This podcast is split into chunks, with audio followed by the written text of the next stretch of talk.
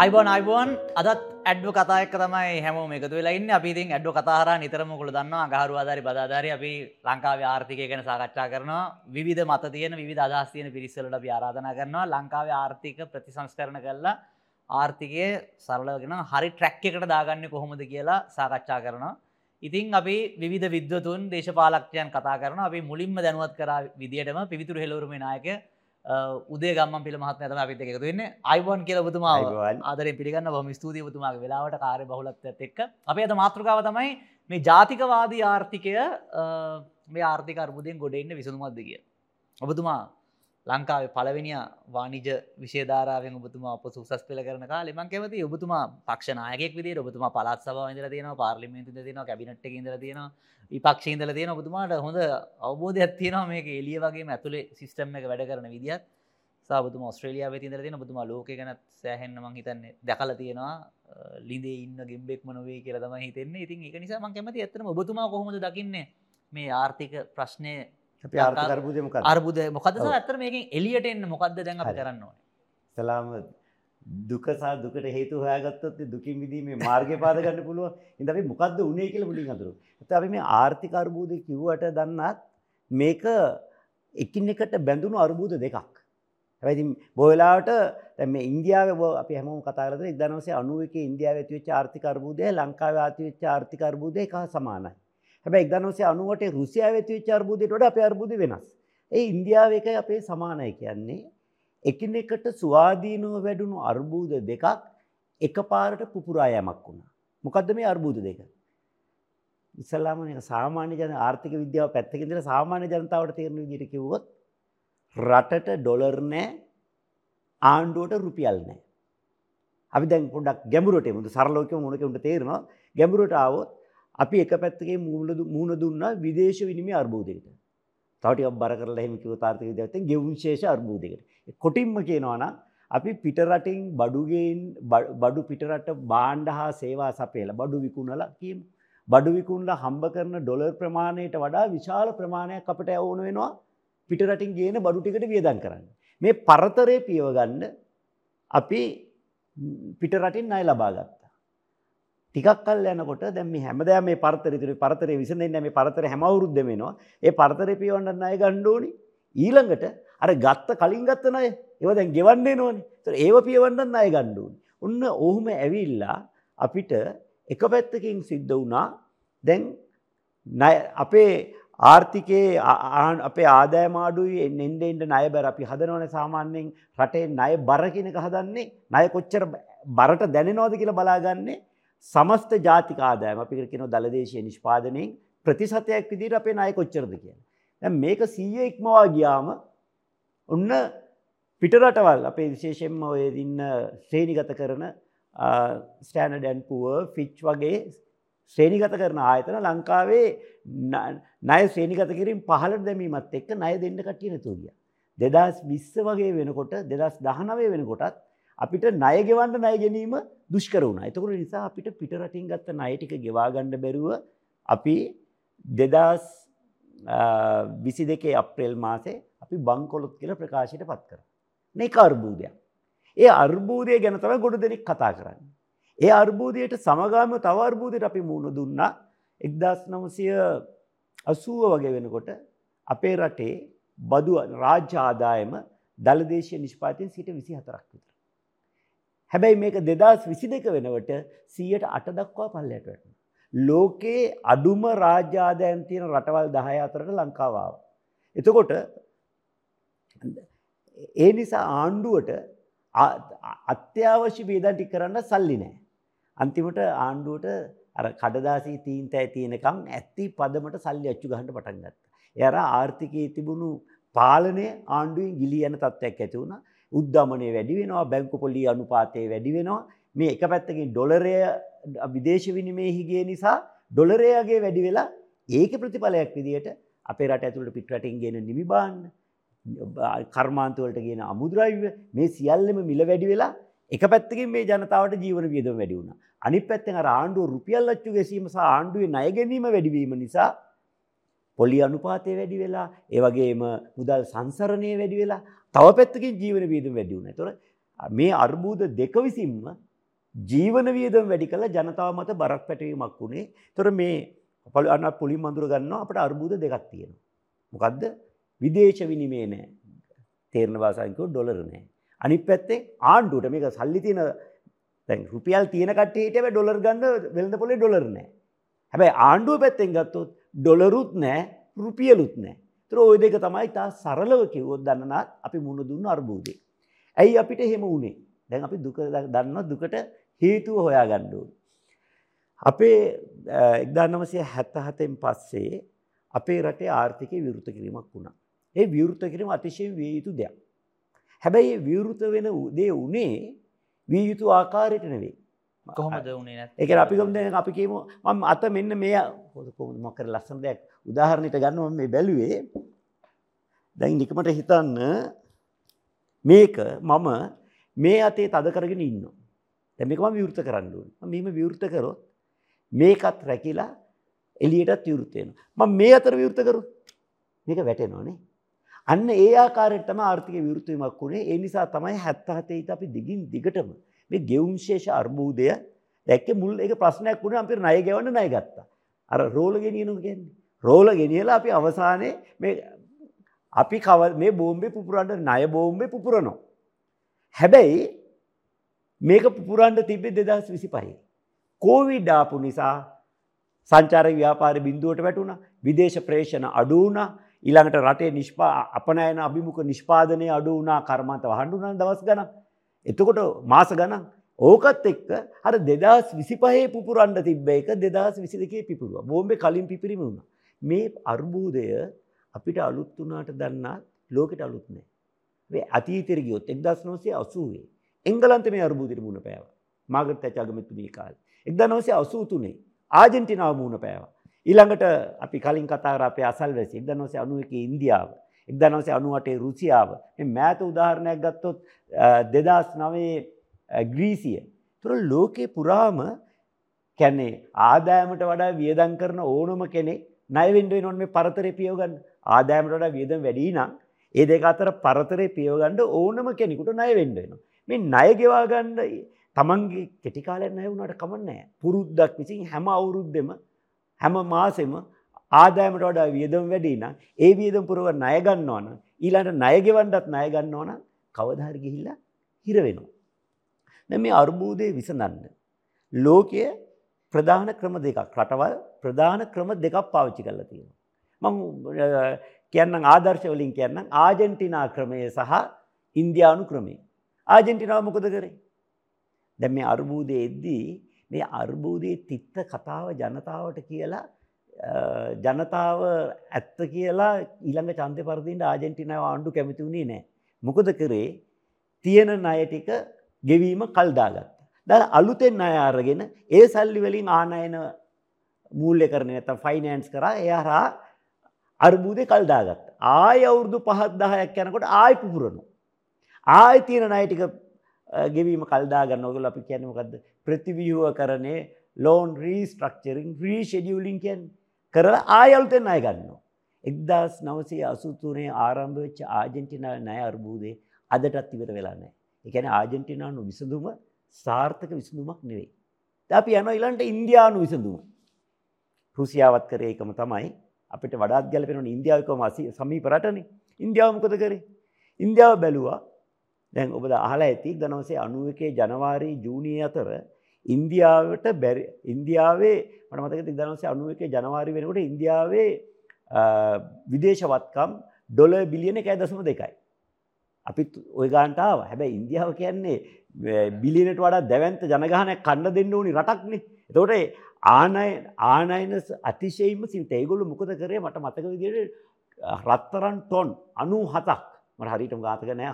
මතක විදිර අනු හතක් යාලිප් කරා සිත්සලන්ත ස්විට්සලන්තර සහ ඉංගලන්ත බැංකෝ ෆෙංගලන් වලටයි ස්විස් බෑංක එකටයි කරලා ඒටික උගස් කරලා විදේශවනීම හොයාගෙන තමයි රටට අත්‍යවශ්‍ය ආනයනටික ගෙනාවේ ඒම දෙන්නට ඉගුළුගව රත්තරන් තිබ්බන අපි ගව එහෙමත් තිබ්බෙනෑ කෝමහරි ඉන්දියාවේ ඔබතු අහලා ඇති තර නරසිං ආණ්ඩුව චන්ද්‍රසේකර ආණ්ඩුවේ අර්බූදයක්ත් එක්ක බිඳ වැටලා අනුව එකේ ජූනි මාසේ එනවා නරසිංහ රාවගේ ආණ්ඩුවක මුදල් ඇමති වෙන්නේ මන්මෝහන් සිං. මන්මෝහන් සිං මේ ප්‍රශ්නයට උත්තර දෙකක් ගෙනාව. පළවෙනි දේ තමයි අපේ ආර්ථිකය අකාරක්ෂමයි. මොකද අපේ ආර්ථිකය ආණ්ඩු විසින් තද කරලා අල්ලන් ඉන්නේ. ඉන්දියාවේ කාලේ ඉතා ජනප්‍රිය කියමනක් තිබුණා development commences at 5 pm කියලා. මොකද්ද කියන්නේ? ආණ්ඩුවේ කන්තෝරු පහට වැහුවට පස්සේ තමයි රටේ සංවර්ධනය පටන් ගන්න.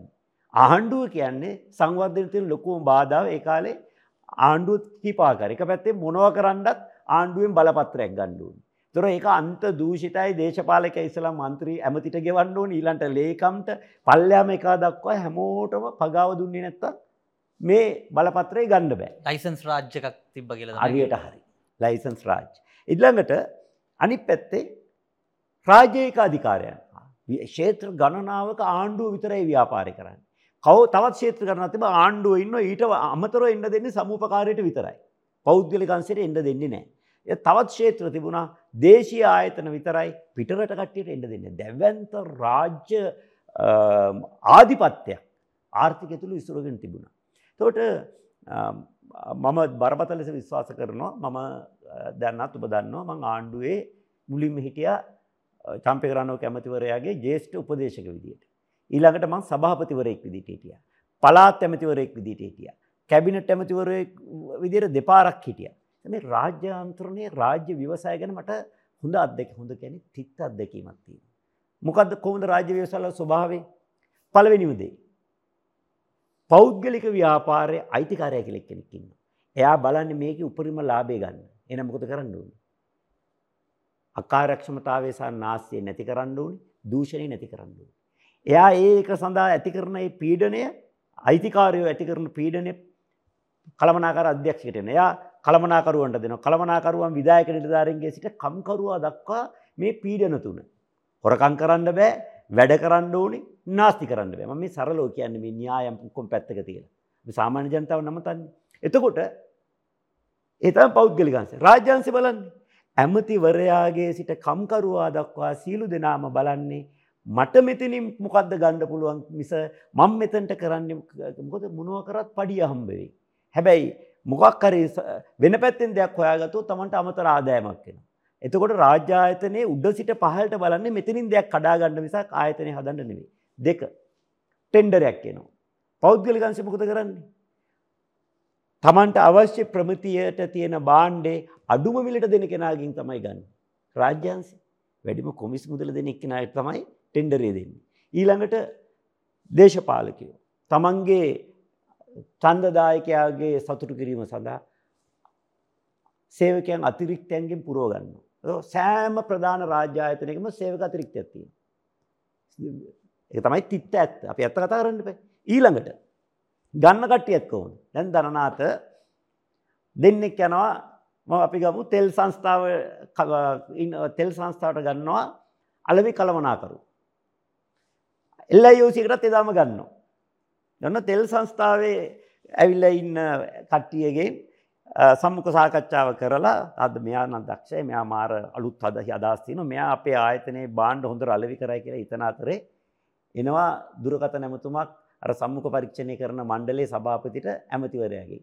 ඒ ඔතන ඇවිල්ලා ඇති අහවල් නම තියෙන එක්කෙනා එයාගේ තාත්තා මට බොහොම කිට්ටුවෙන් වැඩ කරන එකෙක්. එයාගේ පුතා රස්සාව දුන්නේ නැත්නම් දේශපාලනය කළා ඉවරයි. එයාව තෝරගන්න. නැතුර අරගොල්ලෝ තෝ දක්ෂයා තෝරගත් තෝරගත්තම ඒක පැත්තකින් තියලා ඔය කට්ටිය ගොඩක් වෙලාවට ලකුණු දාන්නේ පැන්සලේ.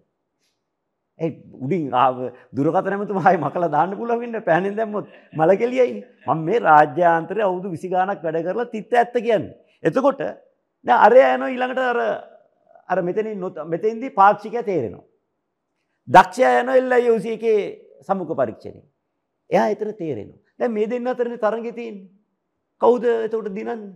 රාජ්‍ය ආයතනයේ පස්සට ගිහිල්ලා අනිවාර්යෙන් පෞද්ගලික තරංකාරී පෞද්ගලික ආයතනයේ ජයග්‍රහණය කරනවා. ඊළඟට එතකොට මෙන්න මේ කාරණා නිසා ආ රජය ව්‍යාපාර කිරීම අසාර්ථකයි කියන එක. මේ මම මගේ අත්දැකීමෙන් දැක්ක ටිකම මන්මෝහන් සිං කියන්නේත් ආර්ථිකයේ විවිධ ක්ෂේත්‍රවල තම මුදල් ඇමති වෙන්නේ පළවෙනි වතාවට එතුමා.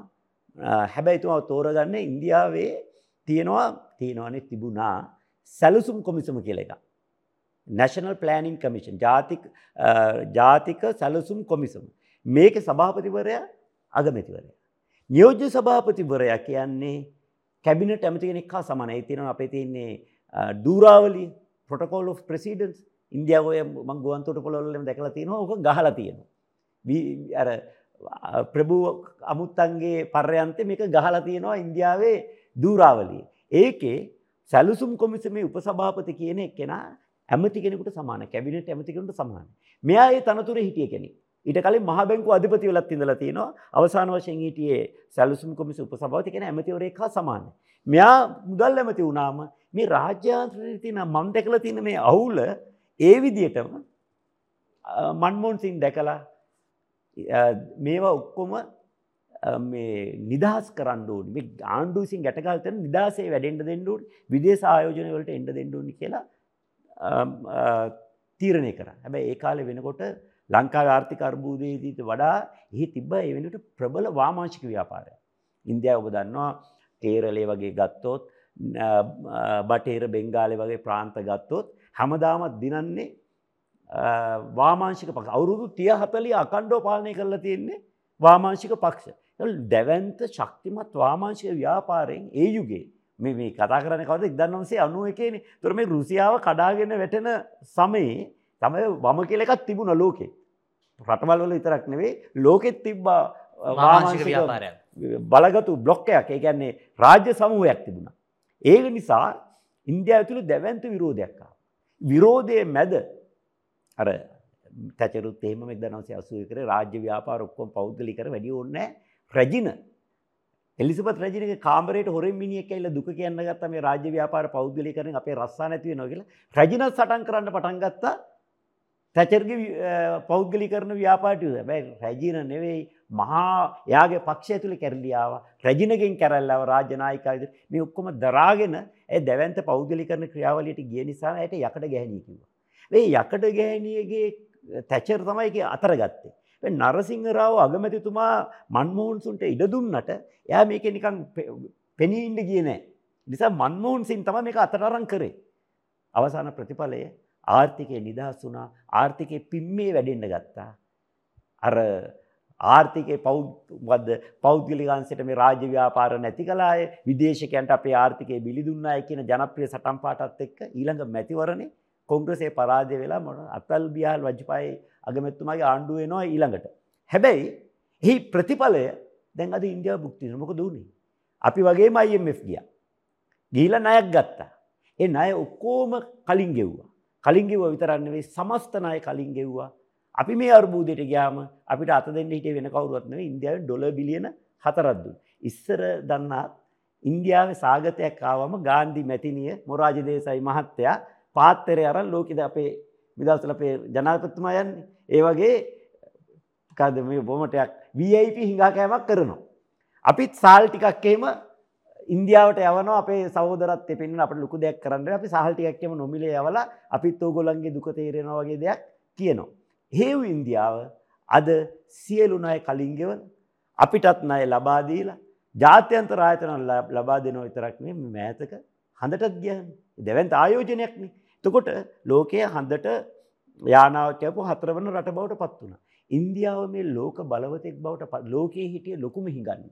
මම එහෙම කිව්ව කියලා ඉන්දියාවට අපහාසයක් නෙවෙයි මම මේ පෙන් කියන්නේ තිත් ඇත්ත ලොකුම හිඟන්න. අද ලෝකයේ සුපිරි බලවතෙක් බවට පත් කළේ ඒ 1991 කරපු ආර්ථික ප්‍රතිසංස්කරණ. එතකොට ඔබ මං අහගෙන ඔබතු මේ මාතෘකාව කියද්දි ජාතිකවාදයේ යථාර්ථයද කියලා විතර මම පොඩ්ඩක් එතනටත් එන්න. වට මොනවාරි ප්‍රශ්න තියෙනවද? ඔබතුමා නෑ හොඳ ප්‍රවේශයක් ගත්තා දැන් ප්‍රශ්නේ පැහැදිලි කරා. ඔබතුමා කියපු විදිහට පොඩ්ඩක් ඉන්දියාවේ හේතුව පැහැදිලි කරා. හේතුව පැහැදිලි කරා. ඔබතුමාගේ මේ දැන් දුකින් මිදීමේ මාර්ගය. මාර්ගය කියන්න ඕනේ මම ඒකට කෙටි දෙයක් එකතු කරන්න කැමතියි. ඔය මන්මෝහන් සිං මහත්මයා පත් කරාට පස්සේ මොන්ටෙක් සිං අලුවාලිය මහත්මයාව තමයි පත් කරේ ඔය නැශනල් පලෑනිං එක සභහපති විදිර ඇත්තරම ඇඩ්ඩෝකාට විදිර අපි එතුමාත් එක් සාකච්ඡාවක් තියෙන බුදුමට YouTube එක බලන්න පුළුවන්. අපි ඒ දිනවල් ඉදිරිපත් කර වාර්ථික සැලස්ම එතුමාගේ ආශිර්වාදයක්. එකන එතුමාට එක කතා කල් හද එක තමයි අපි කතා හද කියන ඒතුමත් කිව මොකක්ද මේකට කරන්න ඕන කියලා. මං එතරින් දෙන්න ඔතට ජාතිකවාදී එක නෙවේද දැන් ඔබතුමාගේ ඔබතුමා හිතන්න මේක වෙනද පොල ක්‍රමයට යන්නන ඇත ජාතික හොමද මේක? ඔබතුමන මාර්ග පැදිලි කරන්න. ඇතම මම ඔබ සමට දන්න ඇති මම අවුරුදු විසි පහේදි තමයි මේ ලෑස්තුගත සමාගමක අධ්‍යක්ෂවරයෙක් වුණේ. අවුරුදු 26 තරම් ලාභාල වයසක තමයි සමූහ ව්‍යාපාරික ප්‍රධාන විධායක නිලධාරියෙක් වුණේ. මම පෞද්ගලික අංශයෙන් බිහි වුණු දේශපාලකයෙක්. මම ඊට පස්සේ රාජ්‍ය අංශයට ආවම මුලින්ම පරිසර අධිකාරිය සභාපති වුණාම දැන් අපි පෞද්ගලික අංශේ තීන්දුව ගන්නවා වහම ප්‍රතිඵල ඕනේ. දැන් රාජ්‍ය අංශ වැඩේ ලිපි ලියනවා, ෆයිල් වල ලියනවා, වාර්තා හදනවා මිසක් වැඩේ වෙන්නේ නැහැ. ඉතින් මම මාර මානසික කඩා වැටීමට ෆ්‍රස්ට්‍රේෂන් එකට පත් වුණා මොකද මේ වැඩ වෙන්නේ නැහැ. මට ප්‍රතිඵල නැහැ.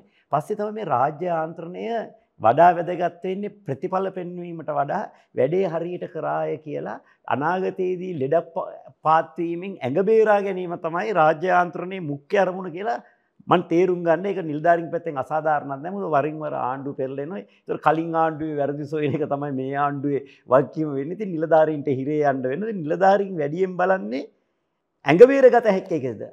වැඩ කරන්න ගියොත් තමයි ප්‍රශ්න ඇති වෙන්නේ. වැඩ නොකර හිටියොත් වැඩ කරත් නැත මාසාන්තිර එක්කම පඩිය හම්බ වෙනවා. වැඩ කරාම පඩියට අමතරව ප්‍රශ්නත් හම්බ වෙනවා. ඉතින් කට්ටිය වැඩියෙන් කැමති වැඩ නොකර පඩිය ගන්න. සාධාරණයි. කවුද සල්ලි දීලා ප්‍රශ්න ගන්න කැමති? ඉතින් කොහොම හරි දන්නත් මම මේ කියන්න හැදුවේ මම පෞද්ගලිකාංශයේ ප්‍රධාන විධායක නිලධාරියෙක් විදිහට ඉඳලා මේ රාජ්‍යාන්ත්‍රයට ආව මේ දෙක හසයි පොළොවේ මට වෙනස තේරුණා. ඔබ ජාතිකවාදී ආර්ථිකය කියන එකයි සමාජවාදී ආර්ථිකය කියන දෙක පටලගත්තද කියලා මට තුනේ අහපු විදිහට මොකද මම ජාතිකවාදියෙක්. හැබැයි මම සමාජවාදියෙක් නෙවෙයි. ඉංග්‍රීසි කියමනක් තියෙනවා if you are not a socialist at the age of 20 you don't have a heart but if you are still a socialist at the age of 30 you don't have a brain මම පාසල් යන කාලේ සමාජවාදීෙක් වෙලා ඒ සමාජවාදී වෙනුවෙන් පෙනී ඉඳලා අරගල කරලා හැබැයි විශ්වවිද්‍යාල ශිෂ්‍යයෙක් වෙනකොට මම සමාජවාදයේ සුන්දර සීනයක් වුණත් යථාර්ථයක් නෙවෙයි කියලා ඒ විශ්වවිද්‍යාල අවදි වෙන විටත් මම සමාජවාදයේ අත්හැරලා තිබුණේ. ඉතින් ජාතිකවාදී ආර්ථිකය කියන්නේ ඒකනේ. මොකද්ද ජාතිකවාදී ආර්ථිකයක් කියන්නේ?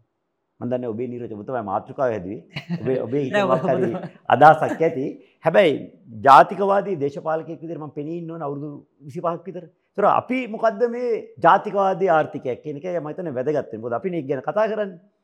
ජාතිකවාදී ආර්ථිකයක් කියන්නේ මේක අපේ සංකල්පයනේ ලෝකෙ පුරාම තියෙන එකක්. නැෂනලිසම් කියලා අපි ඉංග්‍රීසියෙන් කියනවා.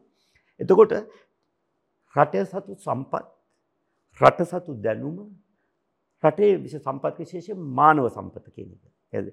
ස්වාභාවික සම්පත් මානව සම්පත් සහ රටේ දැනුම පදනම් කරගෙන ආර්ථිකය සංවර්ධනය කිරීමට පදනම දමා ගැනීම තමයි ජාතිකවාදී ආර්ථිකය කියන්නේ. ඒකින් කියවෙන්නේ සංවෘත ආර්ථිකයක් කියලා. ඒකින් කියවෙන්න රාජ්‍ය ආධිපත්‍ය දරන ආර්ථිකයක් කියලා. එතකොට දැන් මේ රනිල් වික්‍රමසිංහ ජනාධිපතිවරයාගේ ආර්ථික විසඳුමයි ජාතිකවාදී විසඳුම අතර තියෙන වෙනස මොකක්ද? ඕක තමයි ඔබතුමා මට අර පොඩ්ඩක් පරිචිත්ත විඥාන ඥානය තියෙන නිසා මම හිතට තේරෙනවා ඕක තන තමයි ඉන්නේ කියලා. එතකොට දැන් දන්නත් රනිල් වික්‍රමසිංහ මැතිතුමා මේ ගෙනියන විසඳුම එක කොටසක් හරි එක කොටසක් වැරදි. මං කියවනේ මෙතන අර්බුද දෙකක් තියෙනවා කියලා. මොකද අර්බුද දෙක අර මං කෙටියෙන් කිව්වා රටට ඩොලර් නැහැ ආණ්ඩුවට රුපියල් නැහැ. ආණ්ඩුවට රුපියල් නැති වෙන්න හේතු කීපයක් තියෙනවා. එකක් තමයි ආණ්ඩුව දිගින් දිගටම ඉතාම නරක විදිහට ලෝකෙ කිසිම රටක් නොකරද බදු සහන් ලබා දීලා. ආයෝජන ප්‍රවර්ධනය මේ ඩීල් මම අම ඇමති මණ්ඩලයේදී මම මේවා ගැන කතා කරලා තියෙනවා. ඔය කතා කරන්න කියලා තමයි මගේ ඇමතිකම ගහලා ගියේ. මේ අපි හොරකම් කරලවත් මැරකම් කරලවත් නෙවෙයි ඇමතිකම නැති උනේ රටේ වෙන වැරදි ඇමති මණ්ඩලය තුල පෙන්වලා දෙන්න ගිහිල්ලා. එතකොට අපේ තියෙන පනතක් දන්නා දෙදා සටේ උපායමාර්ගික සංවර්ධන ව්‍යාපෘති පනත කියලා. මේක යටතේ දැන් අපි සාමාන්‍ය ව්‍යාපෘතියකට ලබා දෙනවා විවිධ බදු සාන. ඒක ලබා දෙන්නේ කවුද? ආයෝජන මණ්ඩලය. ආයෝජන මණ්ඩලේ වගුවක් තියෙනවා. ඔබ ගේන ආයෝජනයේ බෙපමණයි නම් බදු සාන මේවා. ආයෝජනය ඊට වඩා වැඩි වෙද්දි බදු සානේ වැඩි වෙනවා. අනිත් පැත්තෙන් තියෙනවා ඩොලර් උපයනවනම් අන්න ඒත් වෙනම වගුවක් තියෙනවා. ඩොලර් ඉතුරු කරනවනම් තව වගුවක් තියෙනවා. ලබා දෙන රැකියා සංඛ්‍යාවනු තව බදුසන් ලබාදීමේ වගුවක් තියෙනවා. ඔය ඇවිල්ලා සම්මතය. එතකොට කලින්ම දන්නවා ආයෝජන මණ්ඩලයට යන්න කලින්ම දන්න ඔයාගේ ව්‍යාපෘතිය දිහා බැලුවම ඔයාට ලැබෙන්නේ මේ ටික කියලා. හැබැයි උපාය මාර්ගික වශයෙන් වැදගත් කියලා යම් ව්‍යාපාරයක් හඳුනාගත්තොත් අපි කියන්නේ ෆ්ලැග්ෂිප් බිස්නසස් කියලා. නැත්නම් ෆ්ලැග්ෂිප් එන්ටර්ප්‍රයිසස්. එහෙම එකක් කිය කියලා මේ ව්‍යාපෘතියක වෙතෙක් කවුරුවත් කරපු නැති රටේ අමුතුම ජාතිය වැඩ නව නිර්මාණයක් කරගෙන එන කෙනෙක් නෑ. යාට විශේෂයක් දෙන්න තමයි මේ පනත ගෙනල්ලා තියෙන්නේ. නමුත් මොකද්ද වෙන්නේ? ආණ්ඩුවට තමන්ගේ හිතවතාට සලකලා මමත් කීයක් හරි හොයාගන්න වුණාම හෝටලේටයි ටයර් කඩේටයි හැම එකටම මේ උපායමාර්ග පන්තයටේ මුදල් ඇමතිවරයා නිර්දේශ කළ. ඇමති මණ්ඩලයට දාන ඇමති මණ්ඩලයේ සිග්නල් කණු වගේ අත උස්සලා මහා දැවැන්ත බදුසානයක් දීලා ද ලංකාවේ ප්‍රධාන ව්‍යාපාර සාතිශය බෞතරයක් කිසිම බද්දක් ගෙවන්නේ නැත. රිජුබදු ගෙවන්නේ නැත. වක්‍රබදු බොහෝ වෙලාවට වැට් එක වගේ ගෙවට ආනායනවලදීම තීරු බදු සහන අරන්තිය. මේ ප්‍රතිඵලයක් විදියට රුපියල් ආදායම කඩම් වෙටලතිය. තුර අපේ මේ ආණ්ඩු අර ආණ්ඩුවට රුපියල් නෑ කියන ප්‍රශ්න විසඳ ගන්න නම් ආණ්ඩුවේ වියදම් කපා හැරිය යුතුයි. බොරු වියදම් කරනවා දැවන්ත ආණ්ඩුවක් නඩත්තු කරනවා ලංකාවේ ලක්ෂ දාහතක රාජ්‍ය සැවිකවෙන්. කෙන කඩු කරන්න ලක්ෂාට අඩුවෙන්ඩ ඕන එක තම ඇත්ත අපේ රටේ රොජ රාජසයවක ඉන්න ඇත්තකෙන් දන්න මොකොද වෙන්නේ. රස්සාවල් නැති උපාධිධාරීන් රැකයා විරීත උපාධිධාරී සංගමය හදාගෙන පාර පෙළ පාලියන. ආණ්ඩුව ආර්ථිකය තුළ රැකියාජන්නේ කරනවා වෙනුවට මේ රැකියා විරතු උපාධාරින් ඔක්කෝම හතලිස් දහ පනස් දහ මුලින් මට මතක ජේවප කෙල්ලීමට දෙදා සතර චන්ද්‍රිකා මතිකින් තම එක පාට හතලිස් දහක් ගත්තේ. එදා ඉඳම් බුරුදු පිටින් අන්තිමට ගෝටාබේ රාජපක්ෂ ජනපත්තුව පනස් පන්දහක් ගත්තා දෙදස් විස්සේ ඒ දක්වා මොකක්ද කරන්නේ? රස්සානය රස්න විසඳරන්නේ ආර්ථිකය ප්‍රසාරණය කළ රැකිය අවස්ථා ජයිත කරලා නෙවෙයි රස්සා නැති ඔක්කෝ මාණ්ඩුවට ගන්න මොක්හරි සංවර්ධන නිලධාරී මෙහෙයුම් නිලධාරී එක්කෙනෙක්කින්නවා මට හම්බුනා නිලධාරී ප්‍රාදේශලකම් කොට්ටා කාර්යාලය වැඩ කරන්නේ. එයාගේ තනතුර ජාතික ඒකාබත්තා නිලධාරි. මඟ මොකක්ද පුතා ඔයක් කරන්නේ. එහෙම එකක් නෑස ඉස්සරනං අර එක එක ව්‍යාපෘති ආවා චන්ද්‍රිකා ජනපත්තුමිය කාලෙත් ආව රනිල් අගමැත්තුම ඉන්න කාලෙ ටිකක්ව ඊට වසන දැන්නගත මුකුත් නෑති ම ඉන්නට අපේ ප්‍රාදේශයලේකම්තුමිය මැඩම් අපිට මොනහරි වැඩක්දුනු අපික කරනවා. තව ඉන්නවා හැමතැනම පුරා විද්‍යා නිලධාරි. පුරාජල්ලරින් අපට ඕනි. හැබැයි කිසිම පුරාවිද්‍යාවක් නැතිද තැනකත් නම් කරන්න කැමති ඇතුර නිලධාරින්ට අපස්ථාය පත්වෙන හැම ප්‍රාදිශලික කොට්ටාසම ඉන්න. ඒ සමරව මුකුත්ම නෑ බැයි අපි මොකද කරලා තියෙන්නේ. හැකයා ප්‍රශ්නයක් විසඳන්න ඕනි නිසා අරගෙන තනතුරත්දීලා රජයට බඳවගෙන තියාගෙන. ඒ නිසා තමයි මේක ලක්ෂ දහතක් වුණ.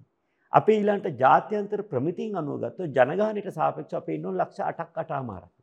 ලෝක වැඩිම ජනගානයට සාපක්ෂ රාජ්‍ය වෙන්නේ කරටත්තම ලංකාව. එට හේතුව තමයි අපි උපාධධාරී විරකයා ප්‍රශ්න විසඳුවේ රස්සා නැති කට්ටිය ඔක්කොම් පුරුදු පිටින් ආණ්ඩුවටර නමක්දිල් ඒ අය පව්. ඇයි උසස්වීමක් නෑ අවුදු මටමතක සැලසුම් නිලධාරි වගේ කරගෙනතවක් දනවසේ අනුහතේ චන්ද්‍රිකා මතිනී කාලේ ඒ කාල මහම්බෙන්න්න දිගින් දිකට මව නීතිච්චෙක් විදිර නඩුවත් දාන්න බැරිද කියලා අපිට උසස්වීමක් නෑ. අපි බැඳිලා අවුරුදු දහයකට පස්සේ ඒ තනතුරේ. අපිට මොකක්ද රාජ්‍ය රාජ්‍ය පරිපාලන සේවයට හරි සැලසුම් සේවයට හරි යන්ඩ අවස්ථාවක් හදාගන්න නඩුවද්දාගන්න මාව හම්බෙන්ඩාව මට මතක දවස්සල ඒ වගේ මේ තරුණයන්ව අතරමං කිරීමත් තමයි කරලති කෙටි අතුරු ප්‍රශ්නය කොහොමද දැම් මේක අඩු කරන්න? හරි. තව සාකච්ඡාවත් තියෙනවා අපේ මේ ආරමට වැඩි කියලා. කාරණා පහමන් කැන එකක් අසරේ සංකල්ප කතාර පස පස අපි මේ ඩීටස්ලට ඇ සර මම මේ අපි අපි එකක් රජ සේවය අඩු කරන්න රාජ්‍ය වීදම අඩු කරන්න ඕනි. රාජ්‍ය සේවය රාජ්‍ය සේවය කුඩා කරන්න ඕනි. රජයේ බදු ආදෑම වැඩි කරන්න ඕනි. ඊළඟට අපිට කවුද?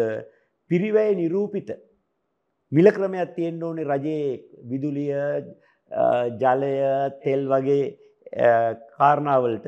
මෙන්න මේ කාරණාටික සිද්ධ කරත් අර ආණ්ඩුවට රුපියල් නෑ කියන ප්‍රශ්නය අපිට විස්න ගන්න පුළුවන් වෙනවා. එතකොට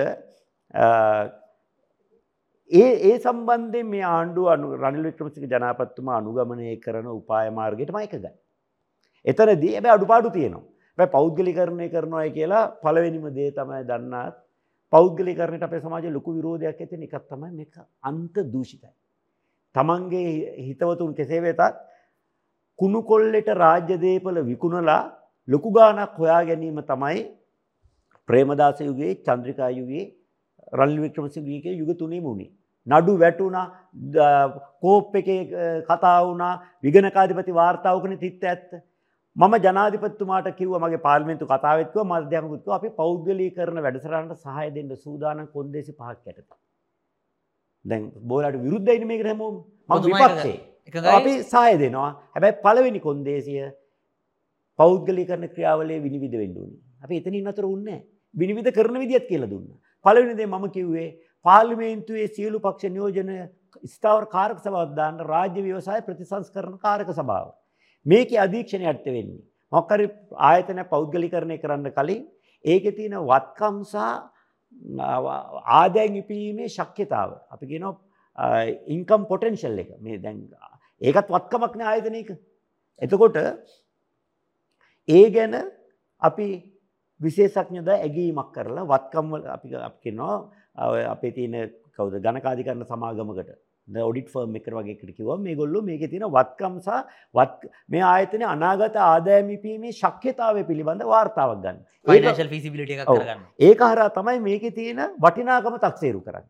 ඊළඟට විනිවිධ භාවයෙන් ටෙන්ඩර් කැඳවලා දූෂණයෙන් තොරව සිදුවුණු බවට ඒ ක්‍රියාවලිය ඔඩිට් කරලා මෙන්න මේ සමාගම තේරලා තියෙනවා කියලා රිපෝට් එකක් කරන අර පාර්ලිමේන්තු කාර්යකරු. මුලින්ම වටිනාකම තක්සේරු කරලා ඒ කමිටුවට කියනවා. ඊළඟට මේ process එක follow කරලා ඒ අදාළ ආයතනයේ තෝරගත්තාට පස්සේ දෙන්න කලින් මෙන්න මේමයි අපි තෝරගත්තේ කියලා සමස්ත ක්‍රියාවලියේ පක්ෂ විපක්ෂ ભેදකින් තුරෝ සමස්ත മന്ത്രിවරුම නියෝජනය කාර්යක සභාවට ඉදිරිපත් කරනවා. එතනින් අනුමත කරාට පස්සේ මේක පෞද්ගලිකරණය කරනවා. ඒක අපේ පළවෙනි කොන්දේසි.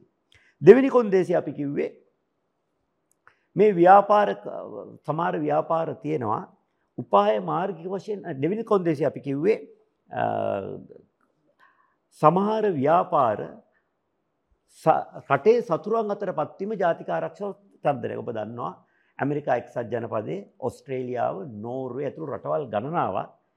චීනයේ හුවාවෙයි සමාගමට ඒ රටේ සංනිවේදන ක්ෂේත්‍රයේ ටෙන්ඩර්වලට සහභාගීම තහනම් කරා ජාතික ආරක්ෂාවට තර්ජනයක් කිය. ඇයි මේ සංනිවේදන ක්ෂේත්‍රයේ ගන්න කෙනාට අන්න අයගේ දුරකතනවලට ඇහුම්කන් දෙන්න පුළුව අපේ පරිගණකවලට ඇතුළු වෙලා පරිගණකවලතින් දත්ත බලන්න පුළුව ඒක නිසා හුවාවෙයි සමාගම යම් යම් ඒගොලන්ගේ තාක්ෂණයන් ගැන බයක් ඇතිවෙල මේ රාජ්‍යයන් තහනන් කර. අපෙත් ඒ වගේ ජාතික ආරක්ෂාවට තර්ජනය ක්‍රියති ආයතන අතට අපේ මේ වැදගත් ආයතන පත් නොවන බවට ආණ්ඩුවක බලාගන්න. උදාහරණ තියෙනවා ඒ වගේ ආයතනවලට. අපි දර ටෙලිකොම් ආයතනයේ පෞද්ගලීකරණයේදී අපි කියමු බෙදුම්වාදී බලවේගවල අරමුදල් වලින් හැෙන සමාගමක් ගන්නවද නැද්ද කියන එක ගැන අපි තහවුරුවක් කරගන්න ඕනේ. මොකද රාජ්‍ය ආරක්ෂාවට ඒක තර්ජනයක්. තුන්වෙනුව අපි කිව්වත් සමහර ආයතන තියෙනවා වෙළඳ පොලේ තරඟකාරීත්වයේ පවත්වාගෙන යෑම සඳහා දැන් පහුගිය කාලේ දැක්ක බිත්තර විකුණන සංකට්ටිය ඔක්කොම එකතු වෙලා ඒකාධිකාරයක් හදලා බිත්තරය අඩු කරන්නේ නැහැ කියනවා. දැන් අපේ සහල් ප්‍රධාන සැපියුම්කරුව හතර දෙනෙක් ඉන්නවා. එය අපි ඔකට සිංහලෙන් නම් කියනවා කතියපාධිකාරී කියලා. කියන්නේ සීමිත තරඟයක් තියෙන තැන. එතනදී එයා එකට එකතු වුණොත් පාරිභෝගිකය අසරණයි. ඒතර ඒ ඒ වගේ අවස්ථාවලදී රජයට මැදිහත් වීමට අවශ්‍ය කරන සමුපකා සතොස වගේ ආයතනයක් අපි පවත්වගෙන යන්න ඕනේ. ඒතකොට තමයි ආණ්ඩුවට ඒ වගේ හදිසි නීතිය වැටෙනවා සුනාමි මොසුනාමිනේ අපි මොකද කොවිඩ් වගේ තත්ත්වයක් නැතන. එතකොට රජයේ මේ බෙදාහැරීමේ ක්‍රියාවලියක් කර ගැනීමට සහ පෞද්ගලිකංශය විසින් අසාධාරණ ලෙස ජනතා පාරිභෝගිකයා පෙළෙන අවස්ථාවේ මැදිහත් වීමට යාන්ත්‍රණයක් තියෙන්න ඕනේ. ඊළඟට අපි කිව්වා සෑම ක්ෂේත්‍රයක් පිළිබඳ නියාමනය කරන අධිකාරින් තියෙන මේ ආයතන සියල්ල පෞද්ගලිකරණය කරාම ඒ ආයතන වලින් සාධාරණ තරගයක් ප්‍රමිතියුත් බාණ්ඩ දෙන බවට ආණ්ඩුව විසින් න්‍යාමනය කරන්න. එක පාරිභෝගික ආරක්ෂණ අධිකාරිය හරාම කරනවාද ඒ සඳහා වෙනම ආයතන හදනවාද එක් කියන එක ආණ්ඩුවේ අවස්ථානුකූලව තීරණය කරන්න. පස්වෙනු අපි කිව්වා උපායමාර්ගිකව වැදගත්තැයි සැලකෙන ව්‍යාපාර ආණ්ඩුව තුළ රඳව ගණ්ඩුව. තොර සමාලට අපට වරාය අපිට දෙන්න පුළුවන් මෙහියුම් කටයුත්ත. වරාය ආණ්ඩුව තියාගෙන මේයුම් කට පෞද්ගලන්සර දෙප ද සමාපව දන්නවා ඇති තැචර මැතින අර වේගෙන් පෞද්ගලි කරන කරන දුම්රිය පෞද්ගලි කරන කර. හැබැයි දුම්රිය එතුරතම තේරුම් ගත්තා සමස්තය කරන්න අමාරුයි. දුම්රිය මාර්ග නඩත්තු කිරීම ඊළන්ට දුම්රිය ස්ථාන නඩත්තු ආණ්ඩුව තියාගන්න හැබැයි ඒ දුවන දුම්රිය පෞද්ගලිකාංශරදනය වගේ රාජ්‍යයේ ඉන්ඩෝනි තැන් හඳුනගෙන සියල් එක පාට අතාරන්න බෑ. ඉන්ඩෝනිකල් මේ වගේ කොන්දේසි පහක් සහිතව අපි ආණ්ඩුවට දැනුම් දුන්න අපි පෞද්ගලිකරණයට සහය දෙන්න ලෑස්ති කියලා. හැබැයි අර පළවෙනි කොන්දේසිය නම් ඉටු කරන පාට අපේන්නේ නැහැ. මොකද ඉතින් මේ පෞද්ගලිකරණය කියන්නේ ඇත්ත මේ රටේ පෞද්ගලිකරණය පිළිබඳ අප්‍රසාදයක් ඇති කරේ ඒ කෙල හලාගෙන තුට්ටු දෙකට මේවා විකුණලා කොමිස් ගහන ප්‍රශ්නේ නිසා. එතකොට මේ ඒ කොන්දේසි වලට යටත්ව මේ රාජ්‍යයේ ලිහිල් කරණය හරහා තරඟකාරීත්වය ඇති කළ මේ ආර්ථිකය ශක්තිමත් කිරීමට කරන දේ එදා 91 ඉන්දියාව වෙච්ච දේ අපේ රටේ වෙන එකට අපි පක්ෂයි. හැබැයි ඉන්දියාව කළ අපි නොකරන දෙයක් තියෙනවා. අර අපි කො නර්බුද දෙකක් තියෙනවා කියලා රටට ඩොලර් නැති ප්‍රශ්නේ. ආණ්ඩුව අද මොකද්ද කරන්නේ? ආජන්ටිනාව ගිය පාර නෙවෙයි යන්නේ. තියෙන ණය ටික ප්‍රතිව්‍යුහකරණය කරනවා. කරලා අලුතෙන් ණය ගන්න. අපි ඩොලර් බිලියන 53ක් විතර ණය ගෙවා ගන්න බැරුව හිර වුණා. දැන් අපි කරන්නේ මොකද්ද? ඒ ණය තාම ප්‍රතිව්‍යුහකරණයක් වෙලා නැහැ. එතන අර්බුද ගොඩක් තියෙනවා. ඔබ දන්නවා පැරිස් සමාජය සහ චීනය අතර තියෙන විසංවාදය. ඇත්තටම පැරිස් සමාජය කියන දේ චීනයට කරන්නත් බෑ. ඒක වෙනම කතන්දර මේ ණය ප්‍රතිව්‍යුහකරණ ඕන අපි වෙනම කතා කරමු. මොකද ජනාධිපතිතුමා චීනය යනවා ලබන මාසේ. හැබැයි ඔබතුමා දන්නවා ඇති මාර්තු මාසේ 6 වෙනිදා ජනාධිපතිතුමා මුදල් ඇමතිවරයා විදිහට ජාත්‍යන්තර මූල්‍ය මුදල් ලියුමක් යවලා කිව්වා අපේ ණය ප්‍රතිව්‍යුහකරණයේදී අපේ සියලුම ණය හිමියන්ට එක හා සමානව සැලකන්න කියලා. එන්නේ කොන්දේසිය නිසා දැන් අර්බුදයට ඇවිල්ලා තියෙනවා. පැරිස් සමාජයේ ඉන්න රටවල් ණය දීලා තියෙන සීමිත රටවල් ගන්න. චීනය මං හිතන්නේ ලෝකේ රටවල් 141කට ණය දීලා තියෙනවා. ඉතින් ලංකාවට යම් ලොකු සහනයක් දුන්නොත් තවත් රටවල් විශාල පිරිසක් ඉල්ලලා සමහරට චීනයත් බංකොලොත් වෙන මට්ටමට පත් වෙන්න පුළුවන්. ඉතින් අපිට ටුවින් ඇප්‍රෝච් කියන්නේ දිවි ප්‍රවේශයක් අවශ්‍ය වෙනවා. අර රටවල් වලදී එකක් චීනයත් සමගද්දි වෙන එකක් ඒකට සුවිශේෂ හේතු තුන ඒක ඉතින් ගැඹුරු විෂයක්. අපි ඒක වෙන මොහොතක කතා කරමු. දැන් මේ ජාතික ආර්ථිකය ගැන අපි කතා කරන්නේ. එතකොට අපි ජාතික ආර්ථිකය කියන එක අවශ්‍ය සාධකයේ වෙන්නේ මෙන්න මේ ඩොලර් ප්‍රශ්නේදී. දැන් අපේ ආණ්ඩුව කරන්නේ මොකද්ද? තියෙන ණය ප්‍රතිව්‍යුහකරණය කරලා අලුතෙන් ණය ගන්නවා. කරලා ආනයන වලට ඒ මුදල් යොදවනවා. ඒත් මේ ගන්න හැම ඩොලර් එකම පොලිය සමග ආපහු ගෙවන්න ඕනේ. ඒකට ආණ්ඩුවට වැඩ පිළිවෙලක් තියෙනවද? නැහැ. අපි මේ යන්නේ 1983 ආජන්ටිනාව පටන් ගත්ත පාරේ. අවුරුදු 40කට පස්සේ අදත් ආජන්ටිනාව ණය අර්බුදේ. මම මේක අහන අයට කියනවා මාව විශ්වාස නොකර අන්තර්ජාලය දැන් තියෙනවා. ඉස්සර ඉතින් ඇත්තද නැත්තද කියලා හොයන්න බැරි. ආජන්ටිනාව ගැව්වොත් ආජන්ටිනා ඩෙට් ක්‍රයිසිස් කියලා 83 ඉඳන් මේ දක්වා වෙච්ච කතන්දරේ ඕන කෙනෙකුට අධ්‍යයනය කරන්න පුළුවන්. ඉන්දියාව මොකද කරේ? ඉන්දියාව එක පැත්තේ එක ආර්ථික එකපාරට ලෝකෙ විරුද්ධ කරනවා වෙනුවට ඒ අය මුලින්ම කරේ ඒගොල්ලන්ගේ දේශීය නිෂ්පාදනය ශක්තිමත් කරා අපනයන දැන් මුලින්ම අපිට දැන් අපිට මේ ආනයන අපනයන අතර පරතරයක් නැතිව දන්නා අපිට අපනයන ආදායම වැඩි කිරීම අපේ පාලනය නෙවෙයි තියෙන්නේ. ඇයි? අපේ බඩු අපි හැදුවත් පිට රටවල කට්ටිය ගන්න ඕනේ නැද්ද කියන එක තියෙන්නේ ඒගොල්ලන්ගේ අතේ. හැබැයි ආනයන අඩු කර ගැනීම තියෙන්නේ අපේ අතේ. ඇයි? අපිට තීරණය කරලා නෑ මේ බඩු අපි ගන්න අපි හදා ගන්නවා. ඒ නිසා ඉන්දියාව මුලින්ම කරේ හදන්න පුළුවන් හැමදේම රට ඇතුලේ හදන්න පටන් ගත්තා. වවන්න පුළුවන් හැමදේම රට ඇතුලේ වවන්න පටන් අරගෙන පළවෙනි පියවරේදී අද අද තියෙන තත්ත්වෙ නෙවෙයි මම මේ කතා කරන 91 මේ ප්‍රශ්නෙට ප්‍රවේශ වෙච්ච එක. ආනයන අඩු කරගත්තා. ඒ දැන් පිටරටින් ගිහින් ඩොලර් නැහැනේ. අපි දැන් අපේ සාමාන්‍යයෙන් අපි ආර්ථික විද්‍යාවේ කියනවා ඒකට කියන්නේ අපි කිව්වොත් විශේෂ ප්‍රාගුණ්‍ය කියලා. නැත්තම් විශේෂකරණය. ඒ කියන්නේ ඒ රටවල් අපි හදන්නේ අපිට අපිට ලාභයට හදාගන්න පුළුවන් දේ විතරයි ඒවා විකුණලා අනිත් රටවලින් අපේ විකුණන සල්ලි වලින් ලාභයට අනිත් ඒවා හදන රටවලින් ඒවා මිලදී ගන්නවා. න්‍යායක් විදිහට සුන්දරයි. මේ පෞද්ගලික දවස්වල අපි දැක්ක දේ තමයි 1977 ඉඳන් හැරලා බැලුවම අපි හදලා විකුණන බඩු ආදායම ප්‍රමාණවත් වෙලා නැහැ. පිට රටින් අපිට ලාභයට ගන්න පුළුවන් දේ මිලදී ගන්න. බැලින්න මො හැම දෙයක්ම කොයි හරි රටක අපි තේ හදනවනේ. වෙයි කෙන්යාවේ තේ අපිට වඩා ලාභයි. ඉන්දුනීසියාවේ තේ අපිට වඩා ලාභයි. පොල් පිලිපීනෙන් ගෙනාවොත් අපිට වඩා ලාභයි.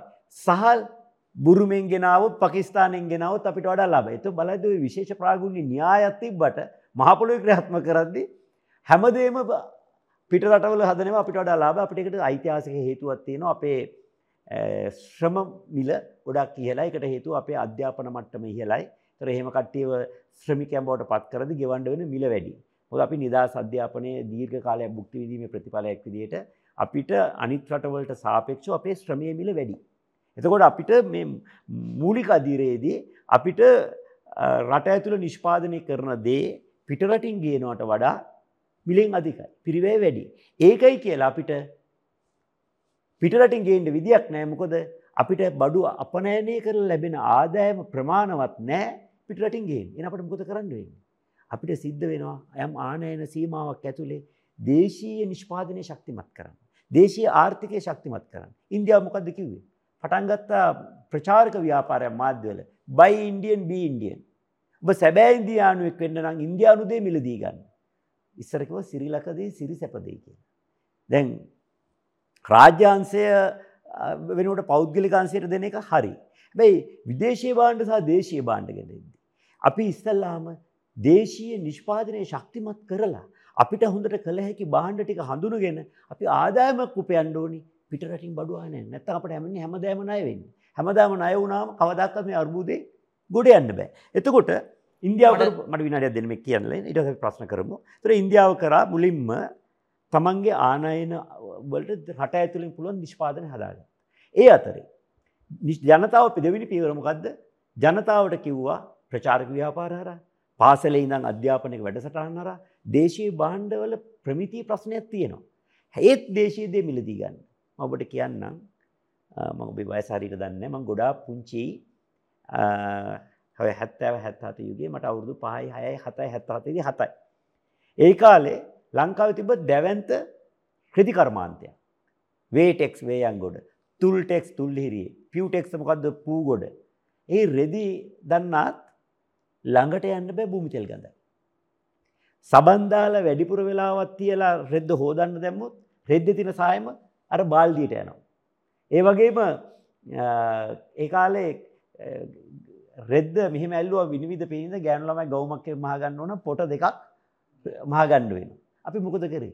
අපේ ප්‍රමිතිය අඩු නිසා අපි රෙදි නිෂ්පාදනය නතර කරලා ඉන්දියාවෙන් සහ චීනෙන් ගේන්න පටන් ගත්තා. ওই යුගයේ තමයි ජපානයේ කාර් හදන්න ගත්තේ.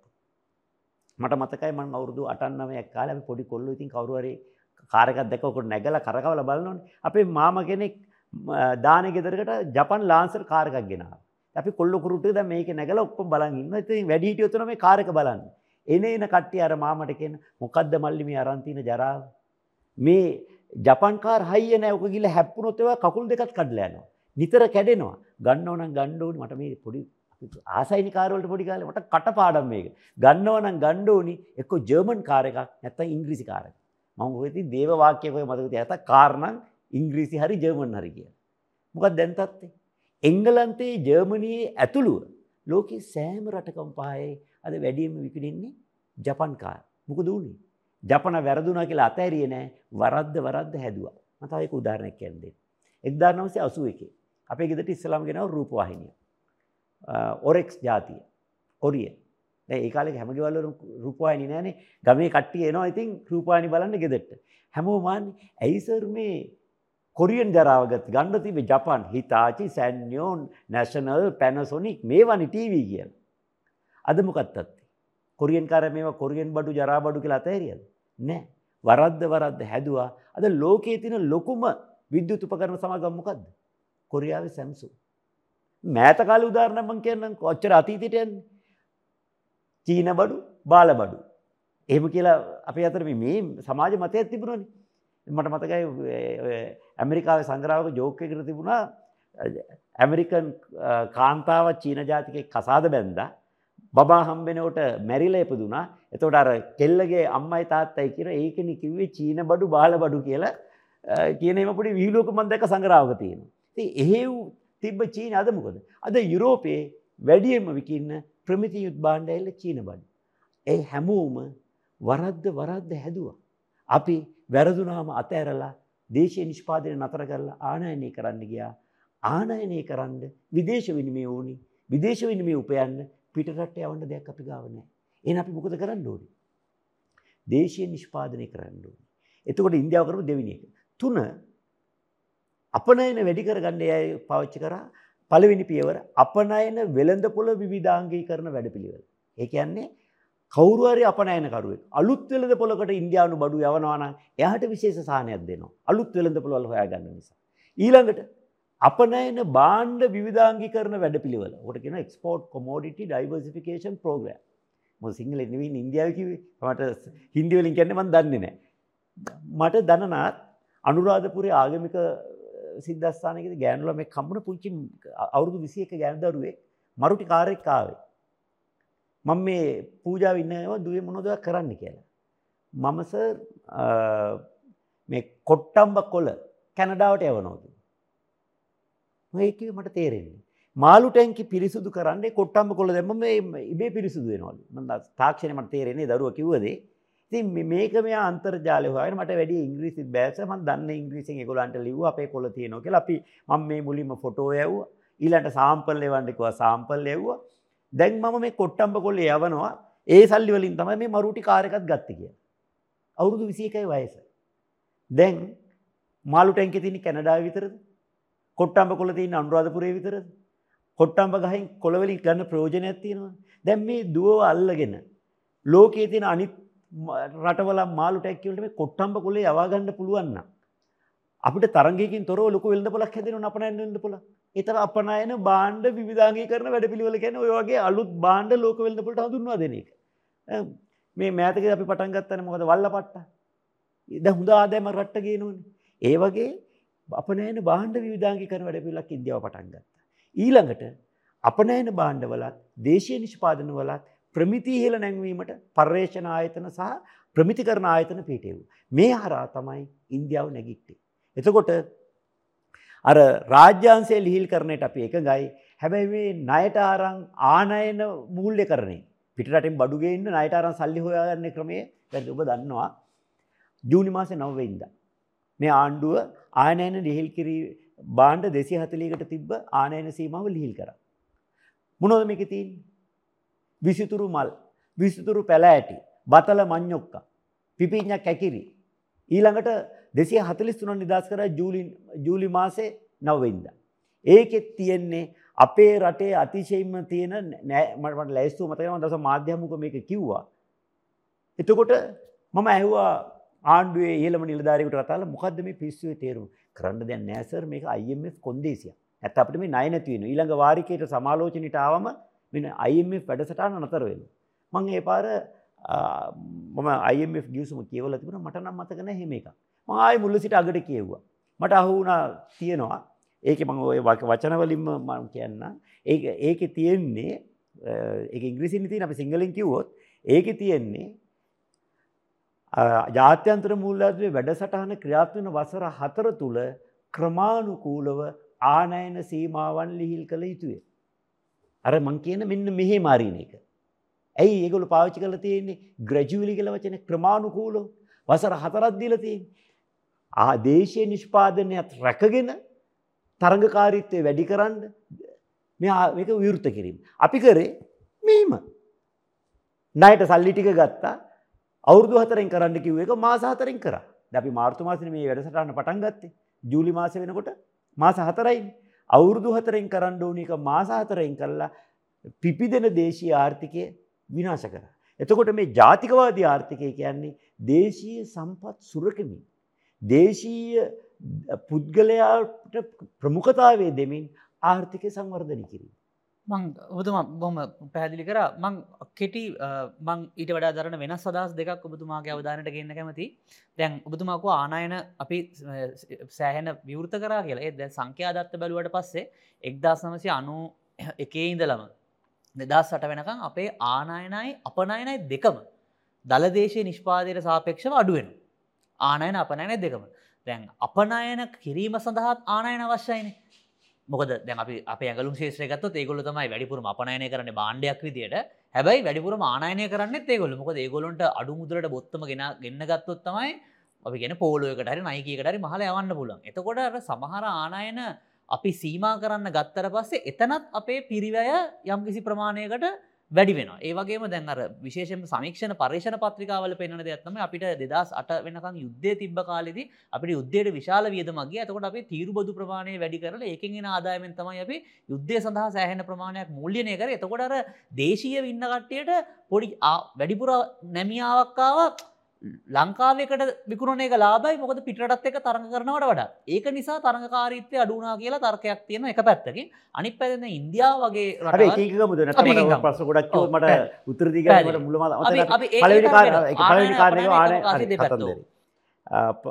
පුලිම කියන්න ඕනේ ඔබ කිව්වා අපනයන විතරක් නෙවෙයි ආනයනත් අඩු වෙලා කියලා. ඒ ඇවිල්ලා වෙලා තියෙන්නේ ආනයන අඩු වෙලා නෙවෙයි.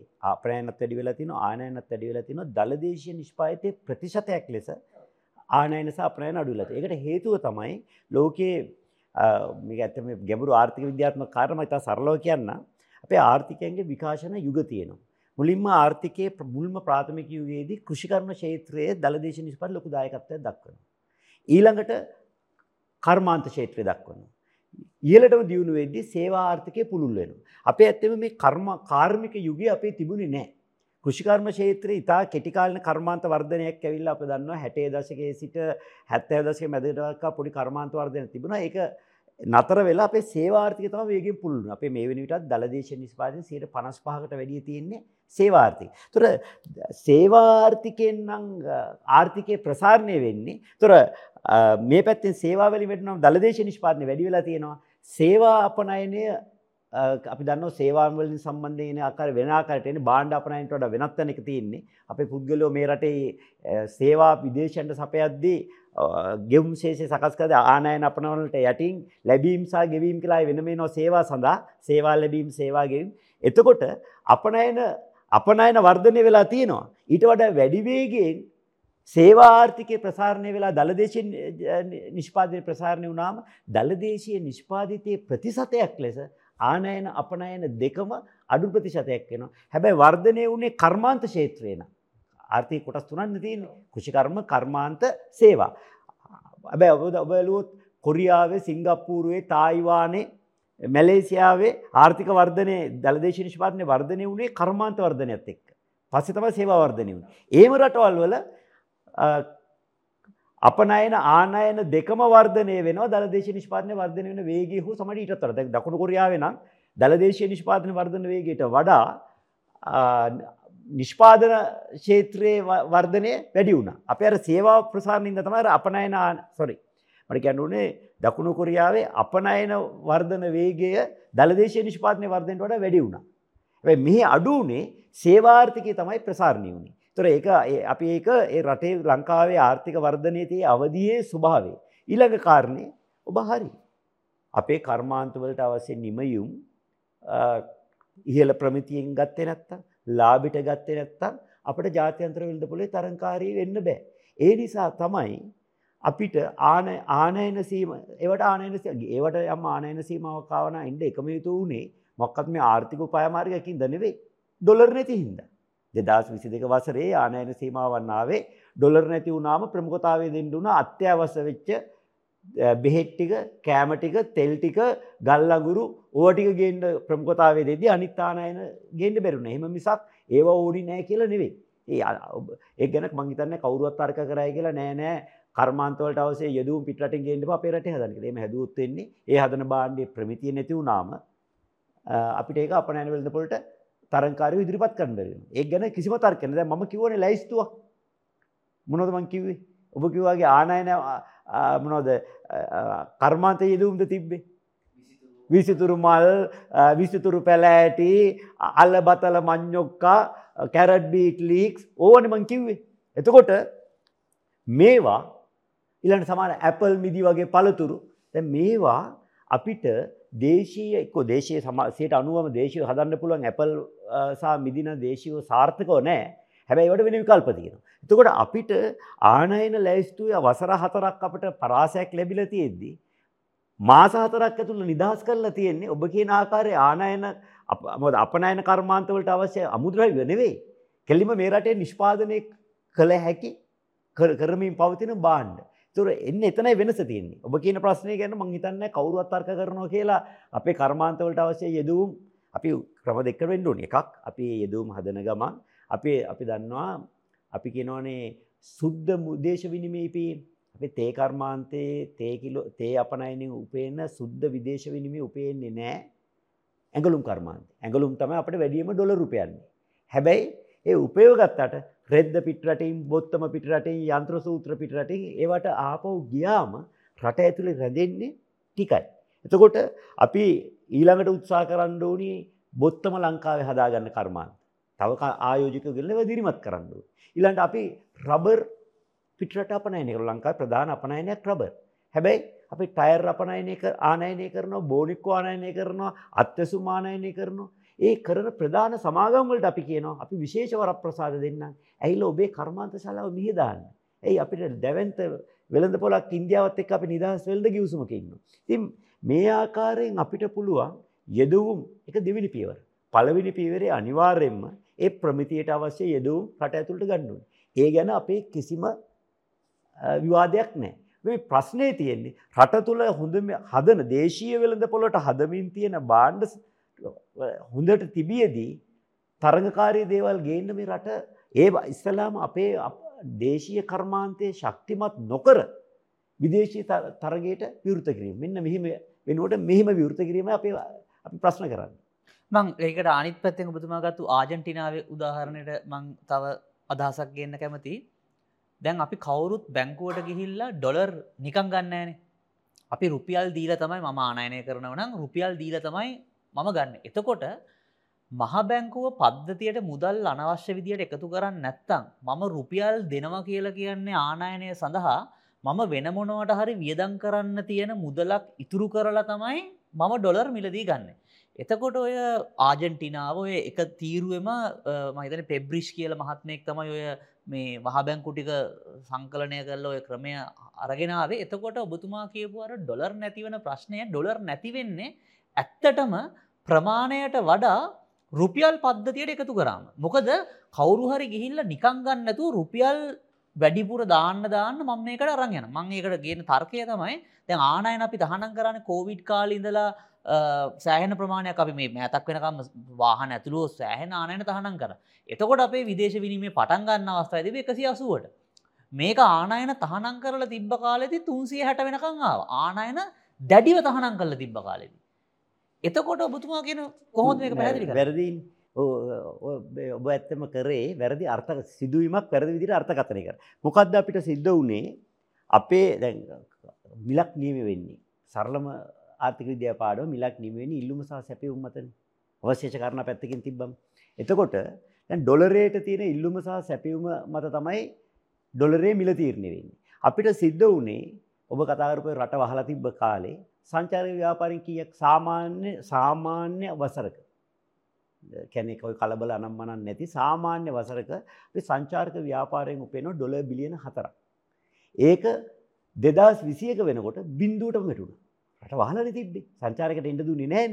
ඊළඟට සාමාන්‍ය වසරක අපි විදේශ ප්‍රේෂණ වලින් උපයනවා ඩොල බිලියන හතක්. මේ මුදල් වැඩිපුරම එන්නේ මැද පෙරදිගේ ඔබ දන්නවා බටේ රටවලට යනය ඒ පදිංචියල ඒ ජීවිතයක් පටන් ගන්න එකකු සල්ලි මෙහේවන්න ඒ ගෙවල් ගන්නවා දරුවන්ට උගන්නන්ද යන දවශ ඒ රට තුළ වියදන් කරන්න. සල්ලි මේ රටේ වන්නේ මැද පෙරදිගේ ඊට අමතරෝය කොරියාව ජපානය වගේ යන අය තමයි. එතකොට ඒ ප්‍රේෂන් දැ මැද පෙරද දැන් ඔය ආර්ථ ලෝක රටවල් වැැහුවම තෙල්වලට තින ඉල්ලුම අඩු වෙලා බදන්නවා ඇමරිකාවේම තෙල්මිල එක මොහොතක මතන්නේ දෙදස් විසි දෙදස් විසේ මැයි මාස වෙනට රින ගියා. ඉති ඒ ඒකත් එක්ක තෙල් තෙල්ලින් වහන්ඩ සිද්ධනොද නිෂ්පාදනය දැන් නිෂ්පාදනය කරට ගබඩා කරන්න තැනකුත් නෑ මිලදි ගැනීමකුත් නෑ එනිසා මැද පෙරදිග ආර්ථික හැකිලෙන්ට ගත්තම අපේ සේවා නියුක්ත වෙලාහිටිය ශ්‍රී ලාංකිකයට බුරුතු පිටින් එන්ඩ වුණ සමාරකටේ ආදායම රස්සා තිබුණ වැඩ කරන්තින පෑගාන අඩු නිසා ආදාය මඩුුණ විදේශ ප්‍රේෂණ වැටුණ. එතකොට අපේ ඩොලර් සැපයුම අඩුවුණු නිසා තමයි මේ අපි ආනයන සීමහකරේ දේශාර්ථික ශක්තිමත් කිරීම අදසකින් නෙවෙයි. අපිට එක පැත් අනි පැත්තෙන් ඔබ දන්නවා දෙදස් විසි දෙක වසරේ අපිට නයගෙවන්ට තිබ ඩොල බිලියන හතක්. ඩොල බිලියන පහක්කෝ හයත් තිබ දෙදස් විසියක වසරේ.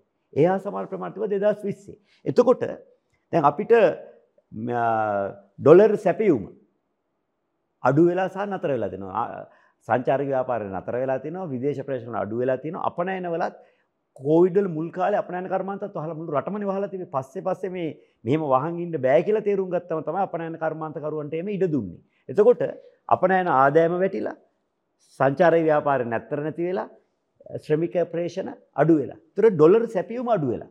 තුර දැන් මේ සීමිත ඩොලර් වලින් අපි උත්සාහ කරන එක පැත්තෙන් ඩොලර් බිලියන 6ක් වෙන් කරන්න සිද්ධ වුණා ණය ගෙවන්න. තුර ඉතුරු සොච්චමෙන් තෙල් ටික, ගෑස් ටික, ගල් අඟුරු ටික, බෙහෙත් ටික මේ ටික ගෙනාවේ නැත්නම් අපිට ආර්ථිකය කඩා වැටෙනවා. ඉතින් මේ ටිකට සල්ලි වෙන් කරගන්න ඔබ දන්නවා ඇති අපේ අපනයන ආදායමෙන් 25ක් යනවා තෙල් වලට විතරයි. මේ තියෙන ලොකුම ආනයන භාණ්ඩය තමයි කයිජ තෙල් නිෂ්පාදන. ඒකට සමස්ත අපනයන ආදායමෙන් 25ක් යනවා. එතකොට ඒවට වෙන් කරගන්න තමයි අර අර ආනයන සීමා කරන්නේ. එතකොට ආනයන සීමා කරලා තියෙන්නේ සැපයුම සීමාවෙන්. ඔබ දන්නවා මිලියල යන්න හේතු දෙකක් තියෙනවා. එක්ක ඉල්ලුම වැඩි වුණා මිලියල යන්න පුළුවන්. සැපයුම අඩු වුණා මිලියන. දැන් ඔබ කියන ආකාරයේ ඩොලරේ ඉහළ ගියේ මොහොතේ ඉල්ලුම අඩු කරලා තිබියදී ඉල්ලුම අඩුවීමේ වේගයට වඩාස වේගෙන් සැපීම අඩු වුණොත් මිලහිලෑමක් වෙනවනේ. අන්න ඒ අවස්ථාව තමයි ඔය පෞගේ කාලේ උදා වුනේ. ඒ අර අපි මේ එක දෙයක් වෙන්න හේතු ගොඩක් තියෙනවා. දැන් අපි මිලහිල යෑම කියන එක ගත්තොත් සැපියුම ස්ථාවරව තිබියදී ඉල්ලුම වැඩිවීම සැපියුම අඩු වෙද්දී ඊට වඩා වේගී අඩු වේගී ඉල්ලුම අඩු වගේ කාරණා අටක් තියෙනවා. ඉතින් ඒ අටෙන් මොකක්ද වුණේ කියලා අපි හරියට අඳුරගන්න ඕනේ. හොඳයි. අපි කාල වෙලා තිපුණ නිසා අපිට ප්‍රශ්න ගණනාවක් ඇවිල්ලා තියෙනවා මේ ඒ ගැනත් අපි මං ඉක්මනටම ප්‍රශ්න අපිට YouTube බරහ ඇවිල්ලා තියෙන ප්‍රශ්න ටිකක් මම යොමු කරන්න කැමතියි. අපි ඉක්මනටම ගත්තොත් එහෙම චීනය ප්‍රමිතියෙන් ඉහල බාණ්ඩ හැදුව එක් දසන්සි හැත්ත නමේ විවෘතාර්ථයකට හැරුණට පස්සේ විදේශ ආයෝජන හරා ජපානය කොරියාව කාර හැදුවත් ඇමරිකාවෙන් කොපි කරලා කියලා සමා සමුෘදි යොමු කල්ලා තියෙනවා. ඔව මං කැමති ඒකත් එක්කම යොමු කරන්න. දැන් විශේෂයෙන්ම කාර්මී කරණයට දැන් අපි කොරියාව සහ ජපානය ඒවගේ රටවල් යොමු වෙද්දී ඔය කබතුමා ආයෝජන ගැනත් කතා කර. ලංකාව දැන් ආයෝජන ගත්තොත් එහෙම ඔයන ප්‍රධානම තර්කයක් තමයි ආයෝජනය කරන්න ඉඩමක් නෑ කියන මෙතන ඔබතුමත් ඒක දන්න ඇති. අපි සංඛ්‍යාලයකන බැලූ හමත් බස්නාහිර පලාත් බලත්නාහෙන පලාතෙම තියෙන අපි කියන්නේ මේ කර්මාන්ත ඉඩම්වලින් සියට අනු පහක්ම බියවයි හරහා තියෙනව. දැන් ගිහිල්ල ඉවරයි. තින් කවරුත් ඔය දුර පැතිවලට යන්න කැමති නැහැ. මේ ඉඩම් සුද්ධ කරගෙන උදළුවරන් කොටල කරන්න ආයෝජක වෙන්න ෑන. එතකොට මේ ඉඩම් සම්බන්ධයෙන් ආයෝජකයන්ට අවශ්‍යතාවය ගැන මොකක්ද ඔබතුමාගේ අද විසඳුම මොකක්ද අපි මුලිමාර YouTube ආපු ඒකයි මගේ අදසතර කිසිම විසංවාදයක් නෑ දැන් ම කොයි මෝතවත් කිවද විදේශ ආයෝජකොල්ට ඉඩ නොදී යුතුයි කියලා? නෑ.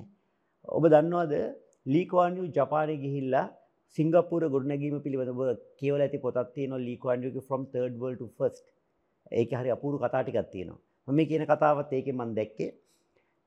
ජපාන ගිල්ල සිංගප්පූර ගොඩනැගීම ඕගේ දැක්ම පැහැදිලි කරනවා.